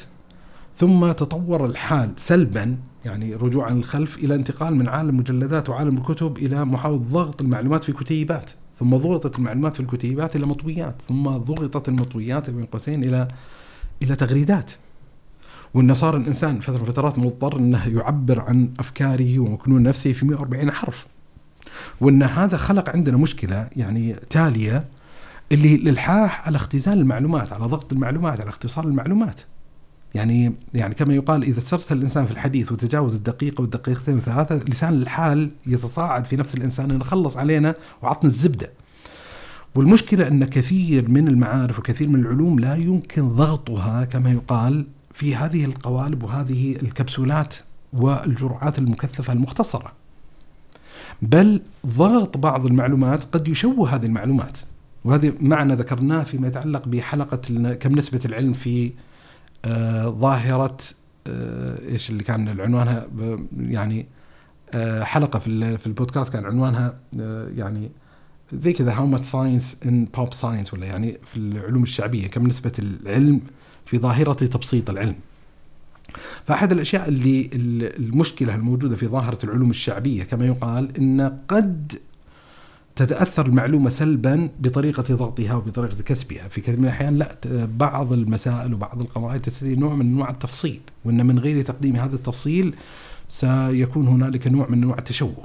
وبالتالي يعني من المشكلات اللي خلقها قضية الملل اللي هو الانزعاج الانزعاج من قضية من من قضية طول الحديث، طول الكلام، طول المقالات، طول الأوراق البحثيه فضلا عن قضية ما يتعلق بالكتب وأن هذا يؤثر سلبا على آه، نهمة الاستهلاك المعرفي إن إن قدرة الإنسان على الطمع في أن يصل إلى مستوى عالي في قضية استهلاك العلم واستهلاك المعرفة سيكون منخفضة بشكل كبير جدا وأن قصارى ما يطمع الإنسان به أن يلتقط معلومات مختصرة مبتسرة فيما يتعلق بقضية معينة من غير أن يوغل بشكل معمق فيما يتعلق بهذه المسألة وهذه القضية. أظن شيخ حتى من المشكلات البارزة جدا هو فقدان التركيز والتشتت فيما يخص يعني القراءة. صحيح من المشكلات الموجودة في قضية شبكات التواصل الاجتماعي أن جعلت قدرة الإنسان على على الغوص العميق كما يقال في الإقبال على قضية القراءة والمطالعة قضية صعبة. يعني يجد هنالك نوع من أنواع الداعي النفسي غير الواعي الذي يحمله بشعور أو بغير شعور انه يفعل؟ كل ما جالس فاتح الكتاب وقاعد يقرأ هنالك صوت قاعد يتصاعد في نفسه يتصاعد في نفسه يتصاعد في نفسه ثم يستطيع أن يقمع هذا الصوت إيش يسوي؟ يروح يطلع الجوال بل في دراسات تثبت هذه المسألة نسبة كبيرة جدا من الطلاب آه، يتحدثون نحن لا نستطيع أن نستمر في قضية الدراسة لأكثر من عشر دقائق من غير أن ننظر في الجوال. والمشكلة طبعا إذا انصرف الإنسان عن قضية القراءة وأقبل على قضية الجوال ثم عادة معينة يحتاج إلى فترة زمنية ليعود إلى ذات الحالة النفسية المعمقة في الإقبال على العلم. هذه مشكلة يعني كما يقال خطيرة اللي هو قضية التشتت وقدرة الإنسان على على التركيز. يعني حتى طبيعة الجوال نفسه عندك عدد من التطبيقات فأنت الحين قاعد تنظر في شيء معين بعدين تروح تقفز تطبيق ثاني يعني صار ذهن الانسان نوع من أنواع التشوش وقدرة الإنسان على الاستغراق في وظيفة واحدة وأدائها من غير انقطاع لفترة زمنية لا بأس بها قضية فيها قدر عالي من الصعوبة. يعني لما يتحدث الإنسان رجل اللقطتين المهاجرين الرقميين إن كان من الظواهر المعتادة أن تجد إنسان معين يقرأ لمدة ساعة وساعتين وثلاثة وأربع هذه قضية فيها قدر عالي جدا جدا جدا جدا من الصعوبة اليوم. أن يجد الإنسان أن عنده قدرة على الجلوس أمام الكتاب أو المذاكرة أو المدارسة لمدة نص ساعة من غير أن ينظر في جواله هذه قضية فيها صعوبة لأن هو تصرف لا واعي هو نوع من أنواع الإدمان يحتاج إلى ال ال إلى جرعة الدوبامين. زين. ويشعر بأن هنالك أمر كبير ضخم يستدعي بالضرورة وجوده واطلاع على ما يتعلق بهذا العالم فبيجب من نفسه نوع من أنواع الانصراف. أظن يسمون هذه الظاهرة فومو fear of missing out. أيوة موجود صح. بالضبط مرت علي سبحان الله آه، فعلا. فهذا جانب. اللي يأكد بعد يعني تدري أحد المشكلات ان إن بعضهم وهذه لها اتصال بقضية التشتت لكن من زاوية أخرى يتحدثون على قضية آه أن مطالعة المقالات مطالعة الأوراق حتى مطالعة الكتب عن طريق عن طريق الإنترنت لما تقرأ مثلا على الشاشة وكذا فأنت عمليا يتحدثون يعني لاحظ في مشكلتين مركبة. آه في ظاهرة تشتت وانقطاع عن فعل القراءة ولو لثواني لأن أحيانا تقرأ تقرأ تقرأ تقرأ وبعدين يمر عليك شيء نسميه ال hyperlink يمر عليك رابط معين. وفي دراسات أجريت على قضية الإنسان يقرأ مقالة من غير وجود هذه الروابط وفريق آخر يقرؤونها بوجود الروابط، فلاحظوا إن قدرة استيعاب الفريق الثاني أدون بكثير من قدرة استيعاب الفريق الأول. لأن يقرأ يقرأ لما يوصل إلى هذا الرابط يكون عنده قرار الحين أنه يضغط عليه للانتقال أو قرار الاستمرار. هذا يخلق نوع من أنواع التشتت عن قضية القراءة. ويعني استطرادا في هذه المسألة بعضهم يتحدث أن ترى نحن عمليا لما نقرأ حتى الكتب مثلا ملفات ال PDF نقراها عن طريق الشاشة أو أو القراءة عن طريق الشاشة بشكل عام، يعني عندك مثلا website عندك صفحة قاعد تقرأ من متصفح كروم ولا فايرفوكس ولا ايا كان قاعد تقرأ فأنت عمليا قاعد تتصفح المادة اللي تقرأها أكثر من إنك قاعد تقرأ. بل في دراسات اللي هو أجريت على حركة العين يعني إن ينظرون إن الإنسان أثناء قراءته من كتاب كيف قاعد يتحرك عينه وقاعد يقرأ ولما ينظر إلى شاشة وقاعد يقرأ منها حركة عين كيف قاعد تقرأ. فلاحظوا إنه يقرأ مثلا السطر الأول بعدين في يصير نوع من انواع القفزة وقراءة يعني هي سكيمينج يعني قاعد قاعد يتنقل قاعد ما قاعد يقرأ. كما يقرأ من كتابه ورقية ولذا بعضهم عبر بهذا التعبير الإنسان في حقيقة الأمر كأنما هو يتصفح المادة التي يقرأها أكثر من إنه يقرأ هذا من الأشياء الطريفة اللي تجرك إلى مشكلة أنا أسميها اللي هو جحر الأرنب اللي هو طبعا باللغة الإنجليزية رابت هول نعم. اللي فكرة استخدام المثل هذا رابت هول اللي هو قضية إن إن إيش اللي يصير؟ يدخل الأرنب إيوه الفكرة إن يعني في عالم الإنترنت مثلا هذه مشكلة إلى حد ما كانت يعني موجودة في يعني خلينا أضرب مثل بدراسات شرعية. نعم. الآن مثلا عند الإنسان مثلا بحث شغال عليه شغال عليه وأراد أنه يبحث عن مسألة معينة. زين عن مسألة معينة. فقعد هو يتصفح كتاب معين للوصول إلى مسالته نعم. في أثناء تصفحه للكتاب إيش اللي يحصل؟ في بعض الأحيان يمر على معلومات حلوة. فقد يتلهى بتلك المعلومات الحلوة ويطول الأمر عن ملاحقته للمساله الأساسية الموجودة، هذه الظاهرة متضخمة في عالم الإنترنت. يعني مثلا من المشكلات اللي تحصل في عالم الإنترنت إن أنت قاعد تبحث على قضية معينة وقاعد تطالع وبعدين تلاحظ في رابط معين يشوقك لضغطه من أجل انتقال وبعدين تدخل وتدخل وتدخل فبيعبرون بهذا التعبير إن تدخل في نفق معين أنت لا تعرف نهاية هذا النفق. فيعزز إن صح التعبير هذه المشكلة مشكلة الاستهلاك العمري إن ما عاد المحرك الانسان الحالة الواعية في ملاحقة معلومة معينة يبتغيها بل قد يضيع الإنسان في زحمة المعلومات قد تكون أقل أهمية على الأقل على المستوى الذاتي بحيث ان هنالك نوع من أنواع استهلاك الوقت الذي ينبغي لا يستهلك في مثل هذا. شيخ الحبيب من القضايا اللي ممكن تنجر فيها تنجر في هذا الحديث اللي هو موضوع محركات البحث خصوصا ما نعم. يتعلق بجوجل. نعم. هل آه لجوجل تأثير سلبي أم إيجابي على يعني علاقتنا مع المعرفة؟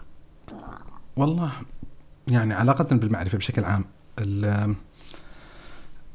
في يعني جوانب إيجابية بطبيعة الحال. إن في أشياء قربت كما يقال البعيد ومكنت الإنسان من الاطلاع على قضايا معينة ما كان بإمكانته أن يطلع عليه لولا وجود محركات البحث هذه، هذا من جانب معين، يعني هنالك مكتسبات وهنالك فوائد وهنالك نوع من أنواع الأفضال والمنة الالهيه المتضمنة في مثل هذه المكتشفات والمخترعات وما يتعلق بتأسيس مثل هذه المواقع، لكن في المقابل يعني كذلك يحتاج يراعي الإنسان طبيعة الأضرار اللي ممكن تخلقها ولما نتحدث عن قضية الأضرار والمشكلات إحنا نذكرها على سبيل محاولة مداراتها، مراعاتها، كيف يستطيع الإنسان التخلص والانفكاك عن سطوتها ومشكلاتها.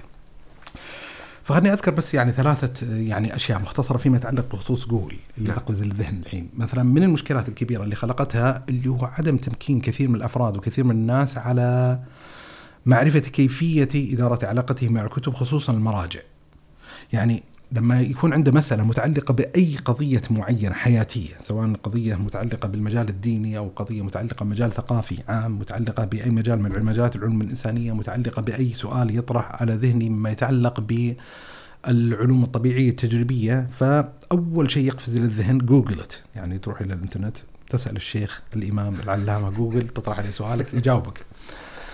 آه لو فتش في نفسه طيب هب جدلا انقطع لي الكهرباء تعطل. هذا صار كارثة كبرى متعلقة في عالم الإنترنت. المعلومات موجودة في الكتب فسيكتشف إن قدرته على إدارة علاقته بتلك المراجع ليست على أحسن أحوالها. يعني نفس المشكلة يعني بس بيقرر المدلول. مثلا هنالك اعتماد الحين كبير من طلاب العلم على على محركات البحث في معرفة مثلا سنة النبي صلى الله عليه وآله وسلم. تبي تعرف مثلا حديث وين خرج وكذا وهذا حسن جميل وهذا جزء من يقول لك النعمة.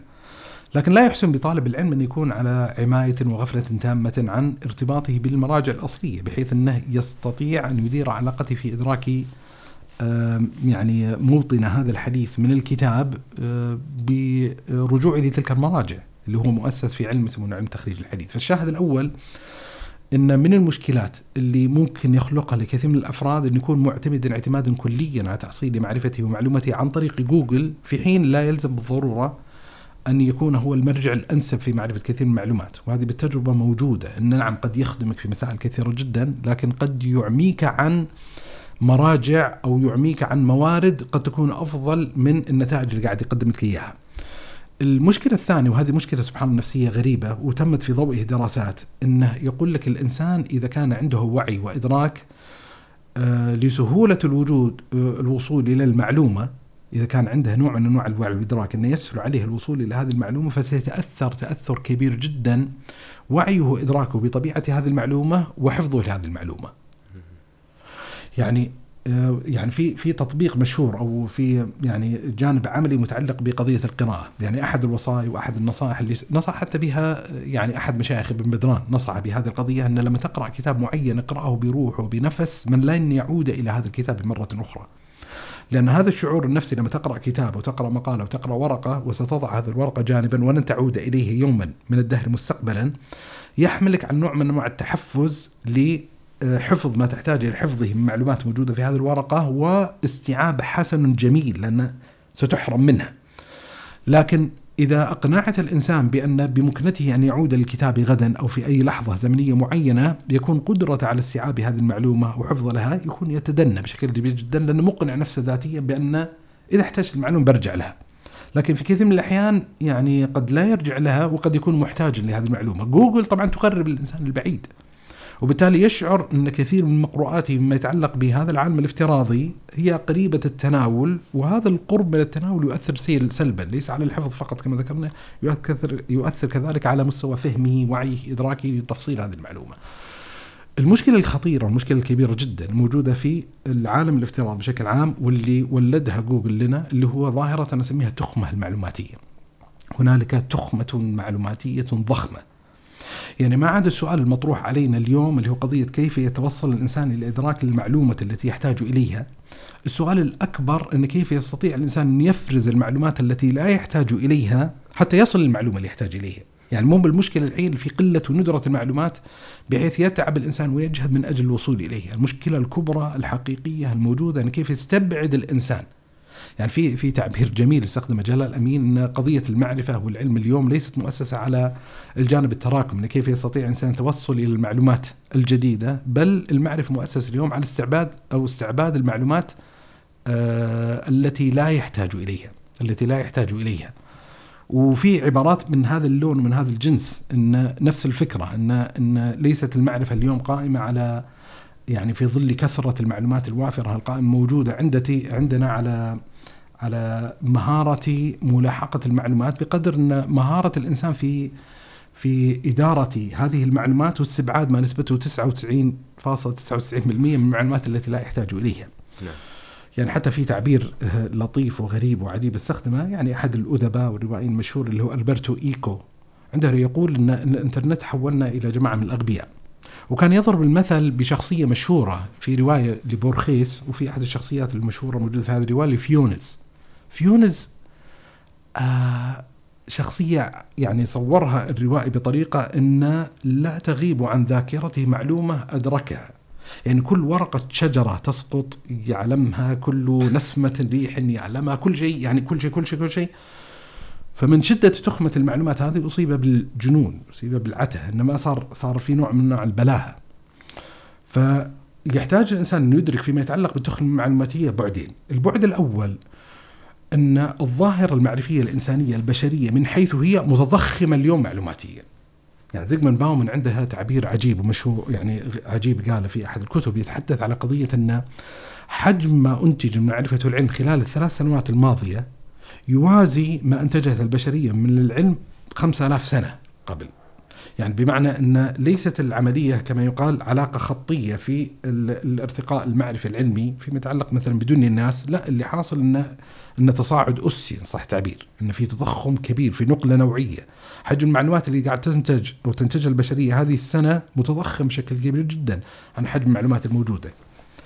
فأنت أصلا حتى احد التعبيرات الغريبة اللي مرت عليها في أحد الكتب يتحدث على قضيه يعني ذكرها زيغموند باومن أذكر بس ناسي الشخص اللي نقل عن هذه العبارة يقول لك يتحدث عن أحد الصحف فيقول لك إن عدد المعلومات أو كمية المعلومات الموجودة في هذه الصحيفة في عدد واحد يوازي ما يحصله إنسان في القرن الثامن طيلة عمره من المعلومات. فشاهد إن أنت أمام مشهد أصلا من طبيعته إن في حالة من حالات بين قوسين التخمة المعرفية إنه في نوع من أنواع تفجر المعلومات الرهيب والكبير جدا. جاك جوجل بعد على الخط وش فعل؟ إنه راح قرب هذه المعرفة المتخ... المتضخمة إلى عامة البشر، إلى عامة الناس، إنه صار سهل أن تتوصل إلى كثير من تلك المعلومات الممتدة. هذا الآن دخلنا مرحلة جديده جديدة مع ChatGPT و... طبعا بعد هذا يعني هذا يستدعي حلقة كاملة نتكلم فيها عن الذكاء الصناعي وغيره. ولذا حتى يعني لما يتحدث الانسان عن الذكاء الصناعي يعني خليني يعني أذكر هذا المعنى. مثلا أحد المشكلات المتعلقة بظاهرة التضخم المعلوماتي اللي هو كيف يدير الإنسان مسألة الشائعات. كيف يدير الإنسان آه، معركته مع المعلومات المضللة، المعلومات الفاسدة. وأن أحد الأدوات الكبرى التي يتم الاستعانة بها من أجل الترويج كما يقال للشائعات، من أجل نشر الأكاذيب اللي هو ما يتعلق بالذكاء الصناعي. يعني يستطيع الإنسان عن طريق الصورة الحين ينتجها عن طريق ال AI يستطيع إنه ينتج الصوت عن طريق ال AI وفي يعني في حديث يعني مطول ممكن يعني نناقش ما يتعلق بهذه المسألة تفصيلا في مناسبة قادمة. لكن موطن الشاهد إن يعني خلينا نرجع موضوع مثلا جوجل إن أظن إن المشكلات الأساسية يحتاج الإنسان يراعيها وبإمكاننا إلى مستوى معين أن ندير معركتنا مع هذه المشكلات اللي هو قضية قضية إن آه، يعني تعليم النفس وتعويد النفس على إمكانية الرجوع إلى المراجع والكتب ويعرف يعني يعرف على الأقل أن مورد هذه المعلومة ومصدر هذه المعلومة ترى موجودة في حزمة هذه المراجع وحزمة هذه الكتب يستطيع طريقة يعني يجدد نشاطه وذاكرته بالعودة إلى فهرس الكتاب يطالع يستطيع العودة يتذكر هذه الماحات القديمة لأنه قد يحتاج إليها. آه، قضية أن آه، وعي الإنسان وبسهولة وصوله المعلومة قد يضر آه، استيعابه لهذه المعلومة وبالتالي يستحضر هذا المعنى في أثناء قراءته مثلا آه، سواء يعني قراءته لكتاب أو قراءته ما يتعلق بالمقالات أو الكتب عن طريق الإنترنت. والقضية الثالثة أن كيف يدير الإنسان علاقته و يعني آه، مع التخمة المعلوماتية الكبير جدا مع التفجر المعلومات الكبير جدا. خصوصا زي ما ذكرنا أن إن هنالك شائعات كثيرة تروج إن كيف يستطيع الإنسان لاحظ لاحظ مستويات الفرز المطلوبة، كيف يستطيع الإنسان أن يفرز المعلومة الصحيحة التي يحتاج إليها من المعلومة الصحيحة التي لا يحتاج إليها. ثم كيف يفرز الإنسان المعلومة الصحيحة بالمعلومه الفاسدة، وكيف يستطيع الإنسان أن يفرز المعلومة الصحيحة القاطعة من غير القاطعة مثلا. آه، كيف يعرف الإنسان المعلومة الصادقة من الشائعة الكاذبة، كيف يعرف الإنسان ما يعتمد اعتمادا كليا على المصادر المضللة أو المصادر الضبابية أو المصادر الغامضة وهذه أحد المشكلات. يعني أحد المشكلات مثلا في عالم جوجل إنه يخف اهتمام الإنسان وعنايته بمصدر المعلومة. يعني يقل النقد عنده الحس النقد. يعني ما ما, ما يلاحظ طيب يعني it seems good يعني يقرأ المقالة تحس كذا من غير ما يدقق النظر كثيرا في المصادر اللي ابتنت عليه هذه المعلومات. انه قد لا يلزم بالضرورة أن تكون معلومات صحيحة. ففي قضايا معينة مثل ما ذكرنا في البداية إن هنالك إيجابيات بطبيعة الحال لا يستطيع الإنسان إعادة عقارب الساعة اللي وراء أو يطالب بإلغاء جوجل من حياته لا هو مكتسب كبير جدا في المجال المعرفي إن أحسن الإنسان توظيفه ومن حسن توظيفه أن يدرك الإنسان العيوب والإشكاليات التي ممكن يخلفها وكيف يستطيع الإنسان إدارة علاقته بهذه العيوب وهذه الإشكاليات. الله يحفظك شيخنا الحبيب في أي مشكلات أخرى؟ والله مشكلات كثيرة يعني لكن خلينا نذكرها باختصار أساس ننتقل يعني محور آخر لأن كثير الكلام الحقيقة. مثلا من المشكلات اللي اللي تصادف بالذات في تأثيرات شبكات التواصل الاجتماعي على قضية المعرفة والعلم وعلاقتنا بالكتب اللي هو قضية التأثر بالحشد الإنساني البشري أو ما يعبر عنه بسيكولوجيا الجماهير أو متابعة الأكثرية. يعني إن قد يتأثر الإنسان سلبا إن أكثر الناس يرددون منطقة معينة وقضيه معينة فيتوهم إنها داخلة في إطار المعرفة الصحيح، هذه مشكلة. وزي ما ذكرت أنا بذكر بس إشارات باختصار. من المشكلات الكبيرة كذلك المؤثرة في جال في مجال المعرفة والعلم اللي هو قضية السيطرة على هذه المنصات. المنصات يعني كما اكتشفنا مؤخرا ليست تحت السيطرة التامة. يعني كان عندنا وهم فترة من فترات أن فكرة حارس البوابة في قضية الإعلام تم كسره عن طريق شبكات التواصل الاجتماعي وأن نقل مشعل الإعلام من يد النخبة والخاصة إلى الشريحة المجتمعية الشعبية العامة وأن صار في مقدور كل إنسان أن يولد منتج الإعلامي بعيدا عن سلطة الرقيب وأن كل إنسان يحمل بين كفيه جوالا يستطيع أن يضع أمامه يصور ينزل في اليوتيوب وينزل مقاطع معينة. مع اللقطات والمشاهدات الموجودة اليوم لا إن هنالك نوع من أنواع السيطرة وهنالك خطاب مقبول وهنالك خطاب غير مقبول وبالتالي بمجرد دخولك في دائرة التحكم على المنصات أنت تتحكم في طبيعة المعرفة التي تولد عبر هذه المنصات. وبالتالي هنالك كلام معين يقبل أن يقال وهناك كلام لا يقبل أن يقال. جزء من الكلام الذي لا يقبل أن يقال يمكن أن يكون كلاما صحيحا من حيث هو. نعم. وأنت تجد في مجريات مثلا الوضع الآني إن عندك عدد منصات إن صح التعبير pro plus sign إن في عدد يعني منصات انها داعمة ما يتعلق مش داعمة حياديه ان صح التعبير نعم. فعلى الأقل يستطيع الإنسان إنه آه، ينقل فيها صورة مطابقة لكثير من المعطيات الموجودة في الواقع. وهنالك منصات لا ان معادية لهذا الخطاب وإنه يتم استبعاد أي قضية لا تعزز من نزعة معينه في هذا الخطاب. فمثلا آه، مثلا هذه أحد المشكلات أو أحد القضايا. مثلا من المشكلات اللي قد تتسرب النفوس بعض الناس اللي هو يسمونها نسميه وهم البديل. وهم البديل. يعني يقول لك إن الكتاب أو القراءة ليس هو بوابة التحصيل المعرفي الأوحد، هنالك خيارات متعددة كثيرة جدا، وبالتالي ليش ما يتم التعامل مع الإنترنت ومع المحتوى المعرفي العلمي الموجود في عالم الإنترنت باعتباره بديلا معرفيا عن قضية المطالعة وقضية القراءة.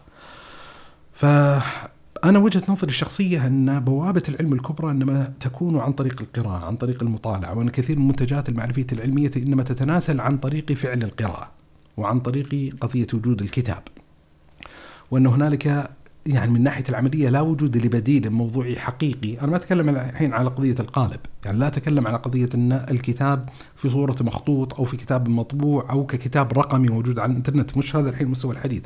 أنا أتكلم إن خلينا نتعامل مع الكتاب بغض النظر عن طبيعة القالب، مخطوطا، مطبوعا، كتابا ورقيا.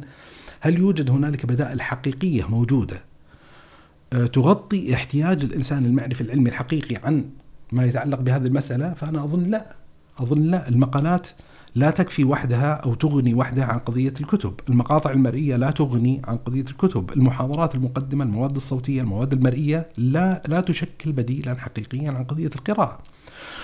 ولذا اللي اللي وجدته طبعا في بعض المؤلفات وبعض الكتب إن هنالك نوع من أنواع ال ال النفس الانهزام إن صح التعبير، يعني في شعور بضغط اللحظة الراهنة وضغط شبكات التواصل الاجتماعي وضغط الإنترنت بحيث بدأ الإنسان يفتش في الممادح في المحامد. يفتش ان بالعكس هذا العالم الجديد هو عالم أكثر جمالية وأكثر آه، علمية من العالم القديم. فاللي أنا موقفي فيما يتعلق بهذه المسألة إن نعم هنالك مكتسبات كبيرة جدا موجودة في هذا العالم لكن يحتاج الإنسان أن يدرك العيوب والثغرات الموجودة فيه بحيث يحسن الإنسان إدارتها ويخفف الشر الموجود فيها ويستبقي بين قوسين من العالم القديم ما يحتاجه. من الموارد العلمية والموارد المعرفية. ولذا أحد المشكلات يعني خلينا ننتقل للمشكلة اللي بعدها اللي هو وهم الثقافة. يعني إذا توهم الإنسان إنه يستطيع تحصيل المعرفة عن طريق هذا البديل، إنه يستطيع الإنسان أن يبني ثقافته ومعرفته عن طريق شبكات التواصل.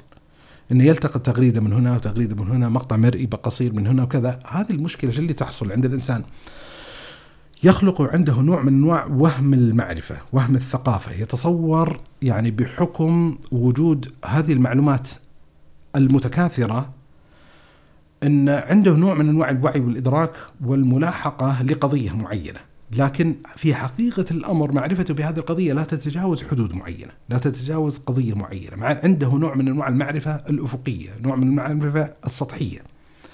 عنده في كثير من الأحيان نوع من أنواع المعرفة المشظاة المتقطعة التي لا تنتظم كما يقال في سلك الناظم. ما عنده دراية ومعرفة معمقة فيما يتعلق بالقضية اللي قاعد يدرسها هذه المعرفة الأفقية من جهة معينة تخلق نوع من أنواع الانتفاخ المعرفي نوع من أنواع التوهم أن هنالك حصيلة معرفية حقيقية. فإذا حاكم الإنسان هذه المعرفة التي يتوهم حقيقتها وجد الإنسان أن ليست بذاك يعني كما يقال. ولذا أحد المشكلات اللي اللي يتحدث عنها استقلال يعني كأثر نفسي من شبكات التواصل الاجتماعي على الإنسان وهي تعزز هذه النزعة يعني السلبية الموجودة عندنا، لما نتكلم على وهم الثقافة عندنا نزعة خلقها شبكات التواصل الاجتماعي بشكل عام اللي هو النرجسية الرقمية يتحدثون عنها. أن رغبة الإنسان أن يكون حديثه في هذه المنصات أكثر من سماعه. إن أنت وجدت للإنسان منصة معينة يستطيع أن يتحدث فيها، يستطيع أن يتكلم فيها، يستطيع أن يعبر عن رأيه فيها. يصير رغبته في قضية الحديث والإبان عن المعاني الموجوده عندها أكثر من رغبته على السماع مما يقدمه الآخر، وهذا ينعكس بطبيعة الحال سلبا على معرفة الإنسان وتحصيله. يعني من العبارات الأثرية الدارجة أن الله عز وجل لما خلق الإنسان خلق له لسانا واحدا وأذنين حتى يكون سماعه أكثر من حديثه فهم يتكلمون من الناحية النفسية. أحد المشكلات اللي خلقها شبكات التواصل الاجتماعي قضية النرجسية الرقمية. فإذا كان الإنسان عنده هذه النزعة نزعة النرجسية الرقمية فهذا سيعزز بوعي منه أو بغير وعي اللي هو قضية وهم الثقافة. بحيث أنه يستمر الإنسان في مسلسل الإنتاج ما أدري اعبر عنه. الإنتاج اللامعرفي ينتج الجهل. التعالم. وينتج إيش اللي في في في اللفظة كانت تستخدم اللي هو قضية ال الجهالات. نسيت يعني في في شبكات التواصل الاجتماعي يعني لفظة معينة تعبر عن فكرة ال يعني كل ما جالس يخطر على بالي لفظة ليست هي اللفظة يعني. وأقرب إلى اللهجة العامية الدارجة عندنا. ما عندي رغم إني أفضح نفسي بذكر بعض الألفاظ. لكن نشاهد ان إن يعني نوع من الأخطاء العلمية والجهالات الفاضحة.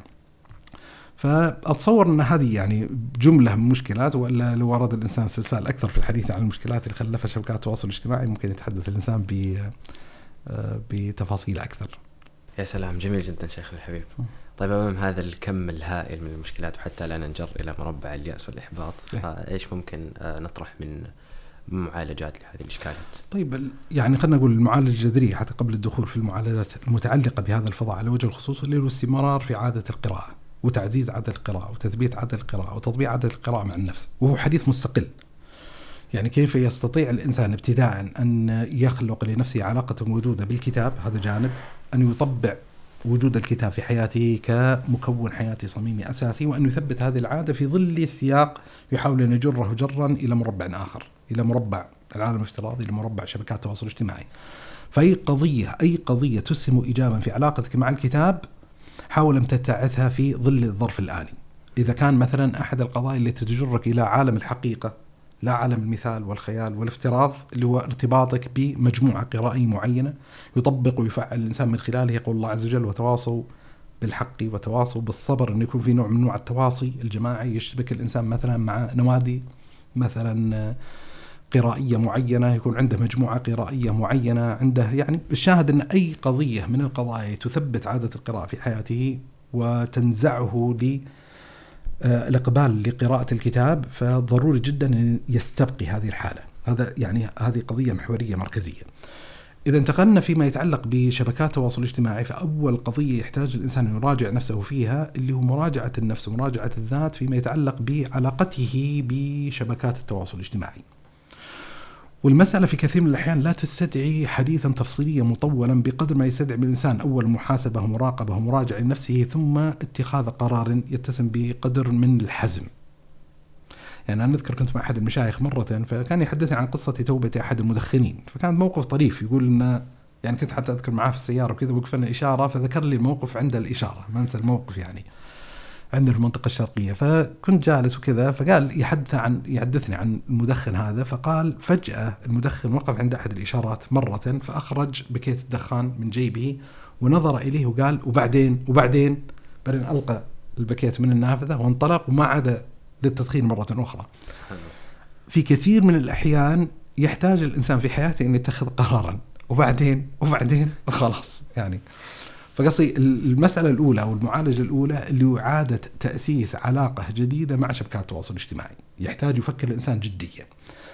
أنا أتفهم العذابات النفسية أن يأخذ الإنسان المسألة إلى حد متطرف. يعني في كتاب لأحد ال ال يعني أحد شخصيات اللي كانت فاعلة في السيليكون فالي يعني الداخل في هذا العالم وكذا لكن عنده كتاب طريف وما أخفيك هذا الكتاب كان يمثل عندي حالة تطرف شديد جدا وعدم واقعية وانه باستحالة الإنسان انه يعيد عقارب الساعة إلى الوراء، لكن لما شفت The Social Dilemma لا أنا موقفي مو بالضرورة إني تقبلت هذا الموضوع، بس صار يعني كنت أول مرة مستبشع هذا الموقف، الحين يعني لسه في قسم الاستبشاع وإدراك صعوبة الدعوة إلى وجود مثل هذا الخطاب، لكن على الأقل يعني إذا ما أخذ الإنسان بحديته وبتطرفه هنالك بعض القضايا المتعلقة بهذا الكتاب التي قد يستفاد منها. عنوان الكتاب أظن كذا 10 arguments to delete your social uh, media accounts ناو زين؟ اللي هو يعني عشرة حجج أو يعني عشرة قضايا ينبغي أن تحملك على إلغاء جميع حساباتك في شبكات التواصل الجماعي الآن. يعني فشاهد بغض النظر عن هذا التطرف لكن يحتاج فعلا الإنسان أن يعيد النظر يعني كما يقال في علاقته بهذه القضية. ومن الأشياء اللي تساهم في إعادة النظر في هذه العلاقة اللي هو مثل ما ذكرت اللي هو الموجود في الآيفون وغيرها من التطبيقات اللي هو ال screen إيش؟ screen time screen time إنه يراجع الإنسان يقدر يعني أحيانا عندنا قدر من تحسين الظن الزائد بأنفسنا إن الزمن المستهلك في التطبيقات سيفاجأ الإنسان لو ذهب إلى ال screen time بيلاحظ ان إن الزمن أعلى بكثير جدا مما كان يتوقعه من نفسه.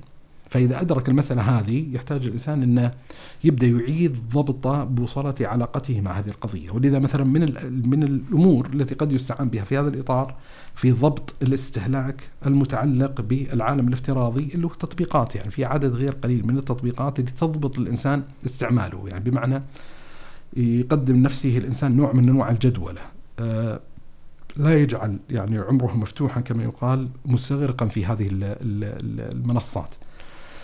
من المسائل اللي جربتها وجدتها نافعة على المستوى الشخصي وأرى ضرورة تفعيلها بالذات في إذا أقبل الإنسان جدية على قراءة كتاب معين اللي هو إبعاد الجهاز عن نفسه. ولما أقول إبعاد الجهاز ليس إبعاده يعني كما يقال 10 سنتيمتر بجواري ولا متر.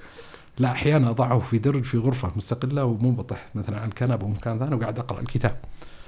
لأن مجرد قرب الجهاز منك سيحملك بغير شعور تحت وطأة العذابات النفسية لمعرفة أهمية وجودك في حياة الناس. ولا بد أن يكون هنالك تحديثات آنية تلقائية تدرك من نفسك أن تحمل الجهاز وتنظر إليه. فأحد القضايا الأساسية النافعة والمفيدة والمثمرة أن الإنسان يبعد الجهاز عن نفسه. أحد التجارب الشخصية والنافعة والمفيدة والمثمرة اللي هو إغلاق أكبر قدر ممكن من الإشعارات ال notification أنا ما عندي قصة واتساب أنه يطلع notification لا يطلع في اللي يسمونه ال home screen ولا يطلع عندي في في الأعلى ولا لا يطلع عندي شيء. آه تويتر ما يعني قصدي التطبيقات الحين تدري يعني كل تطبيق يريد يعني ندعوك. يقول تعال تعال تعال ف أحد الأشياء المفيدة جدا اللي تخفف لأن إيش اللي يصير؟ يعني خلينا نفترض ما أخذ الإنسان بالحزم ووضع الجهاز في إحنا نسميه التجوري اللي هو الخزانة كذا وأغلقة. إيه. زين؟ لا بجنبه موجود. المشكلة الموجودة الجوال إيوه. المشكلة الموجودة بمجرد ما يكون الجوال عندك وطلع عليه notification إيش اللي سيحصل؟ خلاص بالك مع إيوه لما يشتغل ال notification إيش اللي يحصل؟ إن الشاشة تضيء. صح ولا لا؟ صحيح. لحظة إضاءة الشاشة بغض النظر أنت قاعد تقرأ إذا اضاءت الشاشة يلفت نظرك غصبا عنك. ليس شيء تستطيع السيطرة عليه. فستلاحظ أنك لا شعوريا تمتد يدك إلى الجهاز وترفعه لتنظر إلى هذا. طبعا أنا عندي notification بس ال notification عبارة عن إيش؟ رقم جوال. رقم جوال. لا أرقام الجوالات لا الهاتف لا تغلقونه. فقصدي قضية إغلاق الإشعارات أنا أعتقد إنها مفيدة ونافعه وانه فعلا يعني انه مما يعزز ويزيد من من حضور الإنسان في العالم الافتراضي وشبكات. يعني نحن لا نحتاج المحفزات تعزز وجودنا في هذا العالم الافتراضي نحتاج إلى شيء يجر جرا إلى العالم الفعلي العالم الحقيقي اللي إحنا فيه. من القضايا كذلك المفيدة اللي هو قدر الوسع والطاقة والإمكان للتخفف من من تتابعهم في شبكات التواصل الاجتماعي. زي ما ذكرنا مثلا في ال timeline في تويتر أو غيره مثلا أن ستمتد القائمة بامتداد عدد المشتركين معك. ف يعني يعني بحسب طبيعة الإنسان بحسب شخصيته بحسب مسألة لكن أحد الأشياء اللي قد تخفف شيئا ما من علاقتك بهذا العالم اللي هو تخفيف من عدد الذين تتابعهم. طبعا يعني في تطبيقات معينة موجودة آه، قد يستفيد منها الإنسان في في زيادة حالة التركيز. يعني في تطبيقات معينة مثلا يحملك حملة مثلا يغلق كل التطبيقات القائمة موجودة مثلا وتستغرق القراءة بعدين يروح ينبهك مثلا إلى أخذ نشاط أو break على سبيل المثال فعلى الأقل يعني يسهل عليك يعني افترض أنا مثلا عندي ال Apple Watch وجالس أقرأ أقرأ أقرأ أقرأ أقرأ لحد ما يهز ال Apple Watch أدري الحين أني أستطيع التوقف. ما له داعي عرفت أن في شيء قاعد يدعوني بغير الشعور أني أرفع الجوال وأنظر إليه.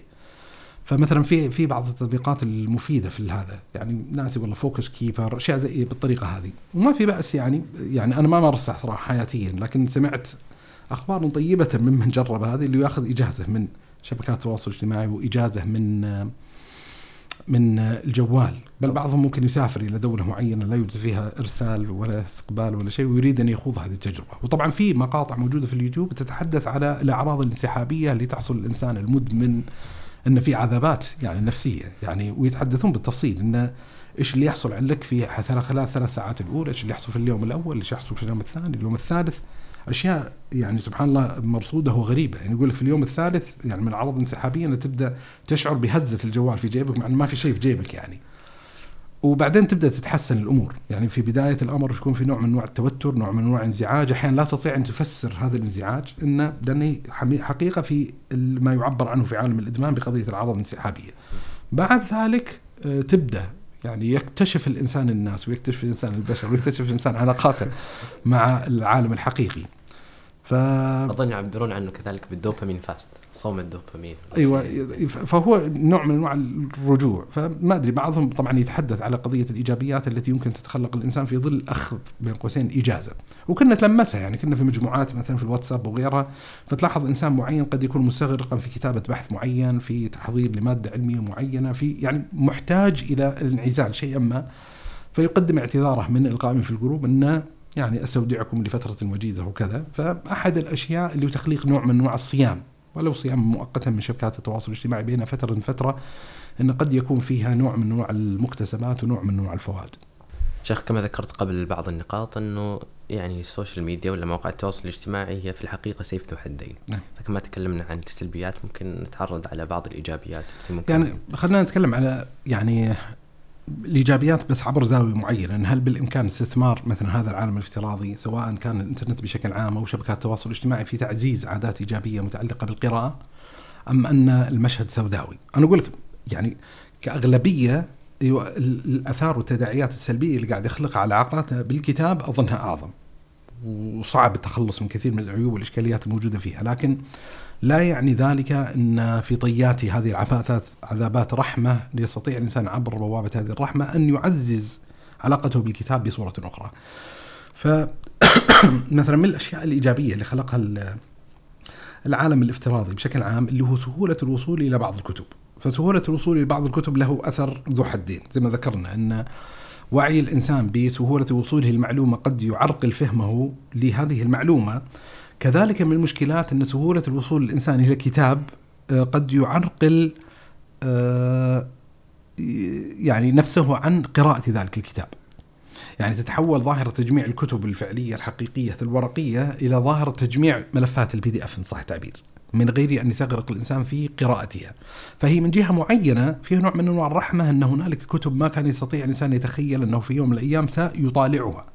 يعني أذكر قديما كان أحد الدورات العلمية اللي شهرت بين طلاب العلم وكانت مفيدة وكان فيها نوع من أنواع التوعية بأهمية ال ال الكتب ذات التحقيق الجيد، كانت دورة للشيخ عبد الكريم الخضير اللي هو كيف يبني طالب العلم مكتبته.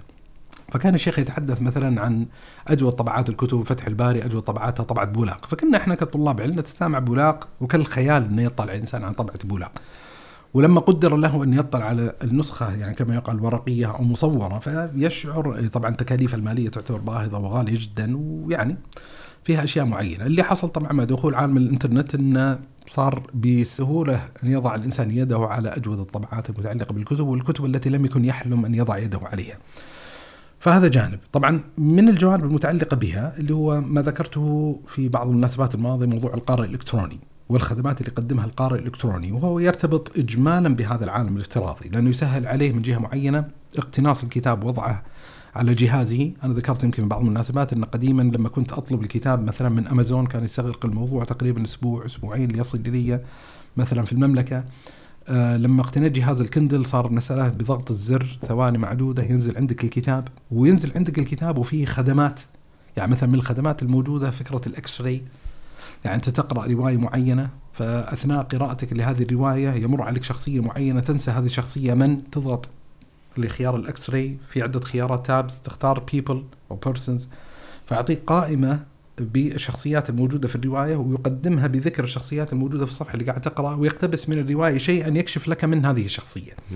ففي خدمات يعني معرفية علمية في تجربة إن صح التعبير جديدة متعلقة بقضية القراءة. ولذا مثلا من التجارب الجديدة الموجودة في موضوع القراءة الإلكترونية اللي هو المزاوجة والدمج إلى حد ما بين شبكات التواصل الاجتماعي وبين قضية فعل القراءة.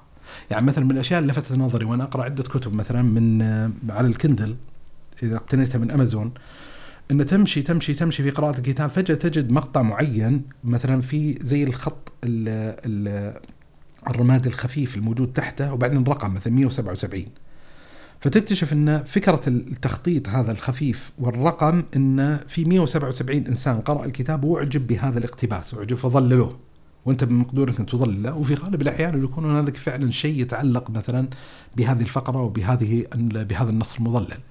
فتلاحظ الفكرة اللي قاعد اطرحها إن في نوع من أنواع شبكة لقراء وهذه الشبكة من شبكات القراء قاعد تنعكس على ما يتعلق بقضية القراءة. في مشاريع معينة إلى الحين يعني كما يقال في البدايات الأولى لكن من الأشياء تخيل مثلا إن أنت تقرأ كتاب معين وبإمكانك بضغطه زر إن تطلع على تعليقات العالم الفلاني أو الشيخ الفلاني أو الطالب الفلاني أو المجتمع القراءي المعين. ففي أشياء معينة في نعم في طيات العالم الافتراضي فيما يتعلق بقضية القراءة انه أحسن استغلالها أو توظيفها أو توليدها سيكون لها انعكاسات ومردودات إيجابية.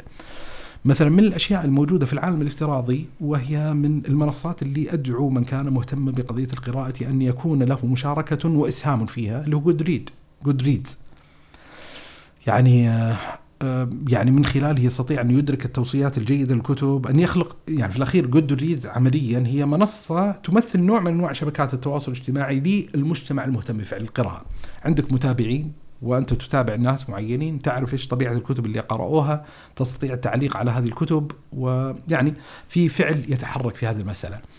أحد المشاريع اللي أرى ضرورة تعزيزها فيما يتعلق بموضوع سواء شبكات التواصل الاجتماعي أو عالم الإنترنت بشكل عام اللي هو قضية تأسيس المجموعات ونوادي القراءة. يعني إلى الحين يعني ما أظنها موجودة على المستوى المطلوب.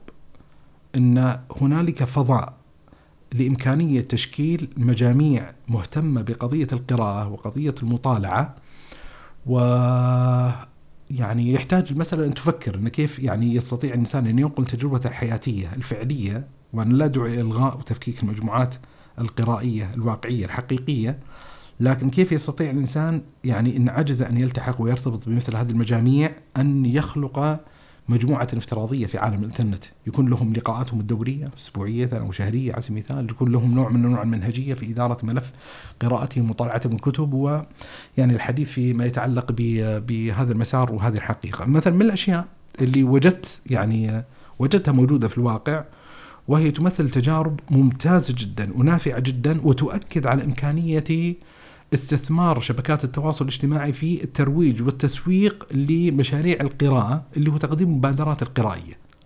يعني يجون مجموعة من الشباب مثلا يقررون مثلا أن عندنا مبادرة قراءة مثلا شرح الإمام النووي في صحيح مسلم أو عندنا مثلا مبادرة لقراءة البداية والنهاية أو عندنا مبادرة لقراءة كل كتب الإمام ابن القيم رحمة الله تبارك وتعالى عليه. في مبادرات مثلا أكثر ابتكارية وأكثر إبداع مثلا أن مبادرة لقراءة كتاب مثلا يقع مثلا مثلا قراءة آه، كتاب في خلال 24 ساعة. يعني نوع من انواع التحديات المتعلقة بقضية القراءة. فشاهد انه يعني أحد الجوانب اللي يحتاج أن يستثمرها الإنسان فيما يتعلق بشبكات التواصل الاجتماعي إنه كيف يستطيع الإنسان انه يعزز المبادرات المتعلقة بقضية القراءة، كيف يستطيع أنه آه، يؤسس لنوادي قراءة كيف يستطيع أن يعزز من علاقته بالكتب بشكل عام. يعني وهذه أحد يعني أحد الفراغات أو أحد الثغرات الموجودة في مجتمع القراء في الوطن العربي، لما يتكلم الإنسان مثلا في المجتمع الغرب الغربي. سيجد لمحورية ومركزية حضور الكتاب داخل ذلك المجتمعات قاعد تنشأ ثقافة متعلقة بالكتب ثقافة متعلقة بالقراءة أدوار وظيفية متعلقة بفعل القراءة. فأحد الإسهامات وأحد الأدوار الموجودة اللي هو إقامة الفعاليات المتعلقة بقضية القراءة إقامة الندوات إقامة اللقاءات إقامة حفلات التوقيع متعلقة بالكتب. وفي غالبا في حفلات التوقيع ليس مقصود فيها مجرد التوقيع إن في شيء ثقافي متعلق بمثلا هذا الكتاب. في المراجعات المتعلقة بالكتب كتابة ال ال ال يعني المراجعات المدائحية أو المراجعات النقدية. فمفترض أن يكون عالم الإنترنت هو عالم خصب لتخليق هذه الحالة لتخليق هذه الحالة. وأظن أن الواقع ليس بالقوة المطلوبة يعني كما يقال آه، في هذا المجال وإن لم يكن الأمر عدما محضا. يستطيع الإنسان العودة مثلا اليوتيوب اللي يشاهد أن في عدد غير قليل من المنصات من القنوات. الجيدة اللي تسهم إسهاما جيدا في تعزيز العادات المتعلقة بالقراءة تعريف الناس بالكتب وأهم المعطيات. فخلاصة الكلام أن ينبغي يكون علاقتنا فيما يتعلق بشبكات التواصل الاجتماعي اللي هو تخفيف ما نستطيع أن نخففه من الشرور والآثام والجرائم اللي أسهمت فيها شبكات التواصل الاجتماعي في علاقتنا مع الكتب وفي المقابل إن كيف يستطيع الإنسان الاستثمار كثير من هذه المنصات لتعزيز رابطتنا بالكتب تخليق حالة الود للكتاب آه، إعادتنا قدر الوسع والطاقة والإمكان للإقبال على قضية الكتاب وعلى قضية القراءة. جزيت خيرا شيخ الحبيب. الله يرحمك طيب إذا أراد الإنسان يتوسع قليلا في هذا الموضوع وهذا المجال فهل في مراجع معينة وكتب تنصح بها؟ والله يعني مش بال لكن يعني من الكتب آه، آه، يعني أذكر اطلعت عليه فيما يتعلق بهذا المجال كتاب اسمه تغيير العقل. تغير العقل كتاب مفيد ونافع. وطبعا أغلب الكتب هذه آه على الأقل اللي اطلعت عليها وقرأتها ليست كتبا مختصة فيما يتعلق بقضية المعرفة وقضية القراءة بقدر ما هي كتب تتحدث على أثر شبكات التواصل الاجتماعي وعالم الافتراض على الإنسان بشكل عام وأحد المسارات الأساسية اللي تعالجها ما يتعلق بقضية المعرفة أو ما يتعلق بالكتاب، فهذا كتاب مهم صادر عن عالم المعرفة تغير العقل. من الكتب الجميلة حقيقة اللي اطلعت عليها كتاب اسمه The Shallows The Shallows أظن العنوان الفرعي الكتاب اللي هو how the internet changes our minds انه كيف يغير الإنترنت من عقولنا يعني Shallows السطحيون وترجم أظن للغة العربية. أنا قرأته قديما بالنسخة الإنجليزية وهو كتاب لصيق بملف القراءة وما يتعلق ب ب بقضية المعرفة بشبكات التواصل الاجتماعي من الكتب أذكر كذلك الجميلة أظن صادر عن دار العربية اللي هو كتاب التأثير السيبراني. التأثير السيبراني. نفس الشيء كيف يعني كيف يغير الانترنت سلوك البشر وغيرها من العناوين. في كتاب يمكن أكثر لصوقا بما يتعلق بقضية القراءة وقضية الكتاب اللي هو Readers come home أيها القراء عودوا إلى المنزل. يعني نوع من أنواع دعوة القراء إلى العودة إلى قضية ال ال الكتب و ويعني العنوان الفرعي the reading brain in digital world اللي هو قضية إن آه، عقل قارئ في عالم رقمي. فهذه كتب طبعا من الكتب المهمة اللي أنصح بها لاعتبارات متعددة يعني سواء ما يتعلق بقضية الإدمان المتعلق بعالم الإنترنت الملاحقة التفاصيل الحياتية الإخبارية اليومية والسعي لتخليق نوع من أنواع الاتزان اللي كتاب المجاريات للشيخ إبراهيم. آه، لأن أحد المشكلات يعني أحد الأسئلة الكبيرة اللي يعني ينبغي تكون حاضرة في حياتنا أن المشكلة في نمط من الأسئلة يطرح ويقدم له جواب تقليدي وهذا الجواب التقليدي يقول كلاما كثيرا ولا يقول شيئا يعني لما يطرح سؤال طيب هل تدعو يا عبد الله العجيري للانعزال والانفصال التام عن شبكات التواصل الاجتماعي فنقول لك إن لو وقع هذا فهنالك مهددات متعلقة بشخصية الإنسان نوع من أنواع العزلة الزائدة عن طبيعة الحياة عن يعني إدراك ما الذي ينبغي ويتعين أن يدركه الإنسان من كثير من المعطيات الواقعية القائمة موجوده عنده. فغالبا تقدم الاجابه الكلاسيكيه انه لابد أن يخلق الإنسان نفسه نوع من أنواع الاتزان والتوازن وأنه لا يغلو الإنسان هنا ولا ي... فتقول ففي كلام كثير يقال لكن لا ينفع كثيرا. ميزة الكتاب يعني في بالذات في مبادئه الأولى تحدث فيها الشيخ عن خماسية معينة.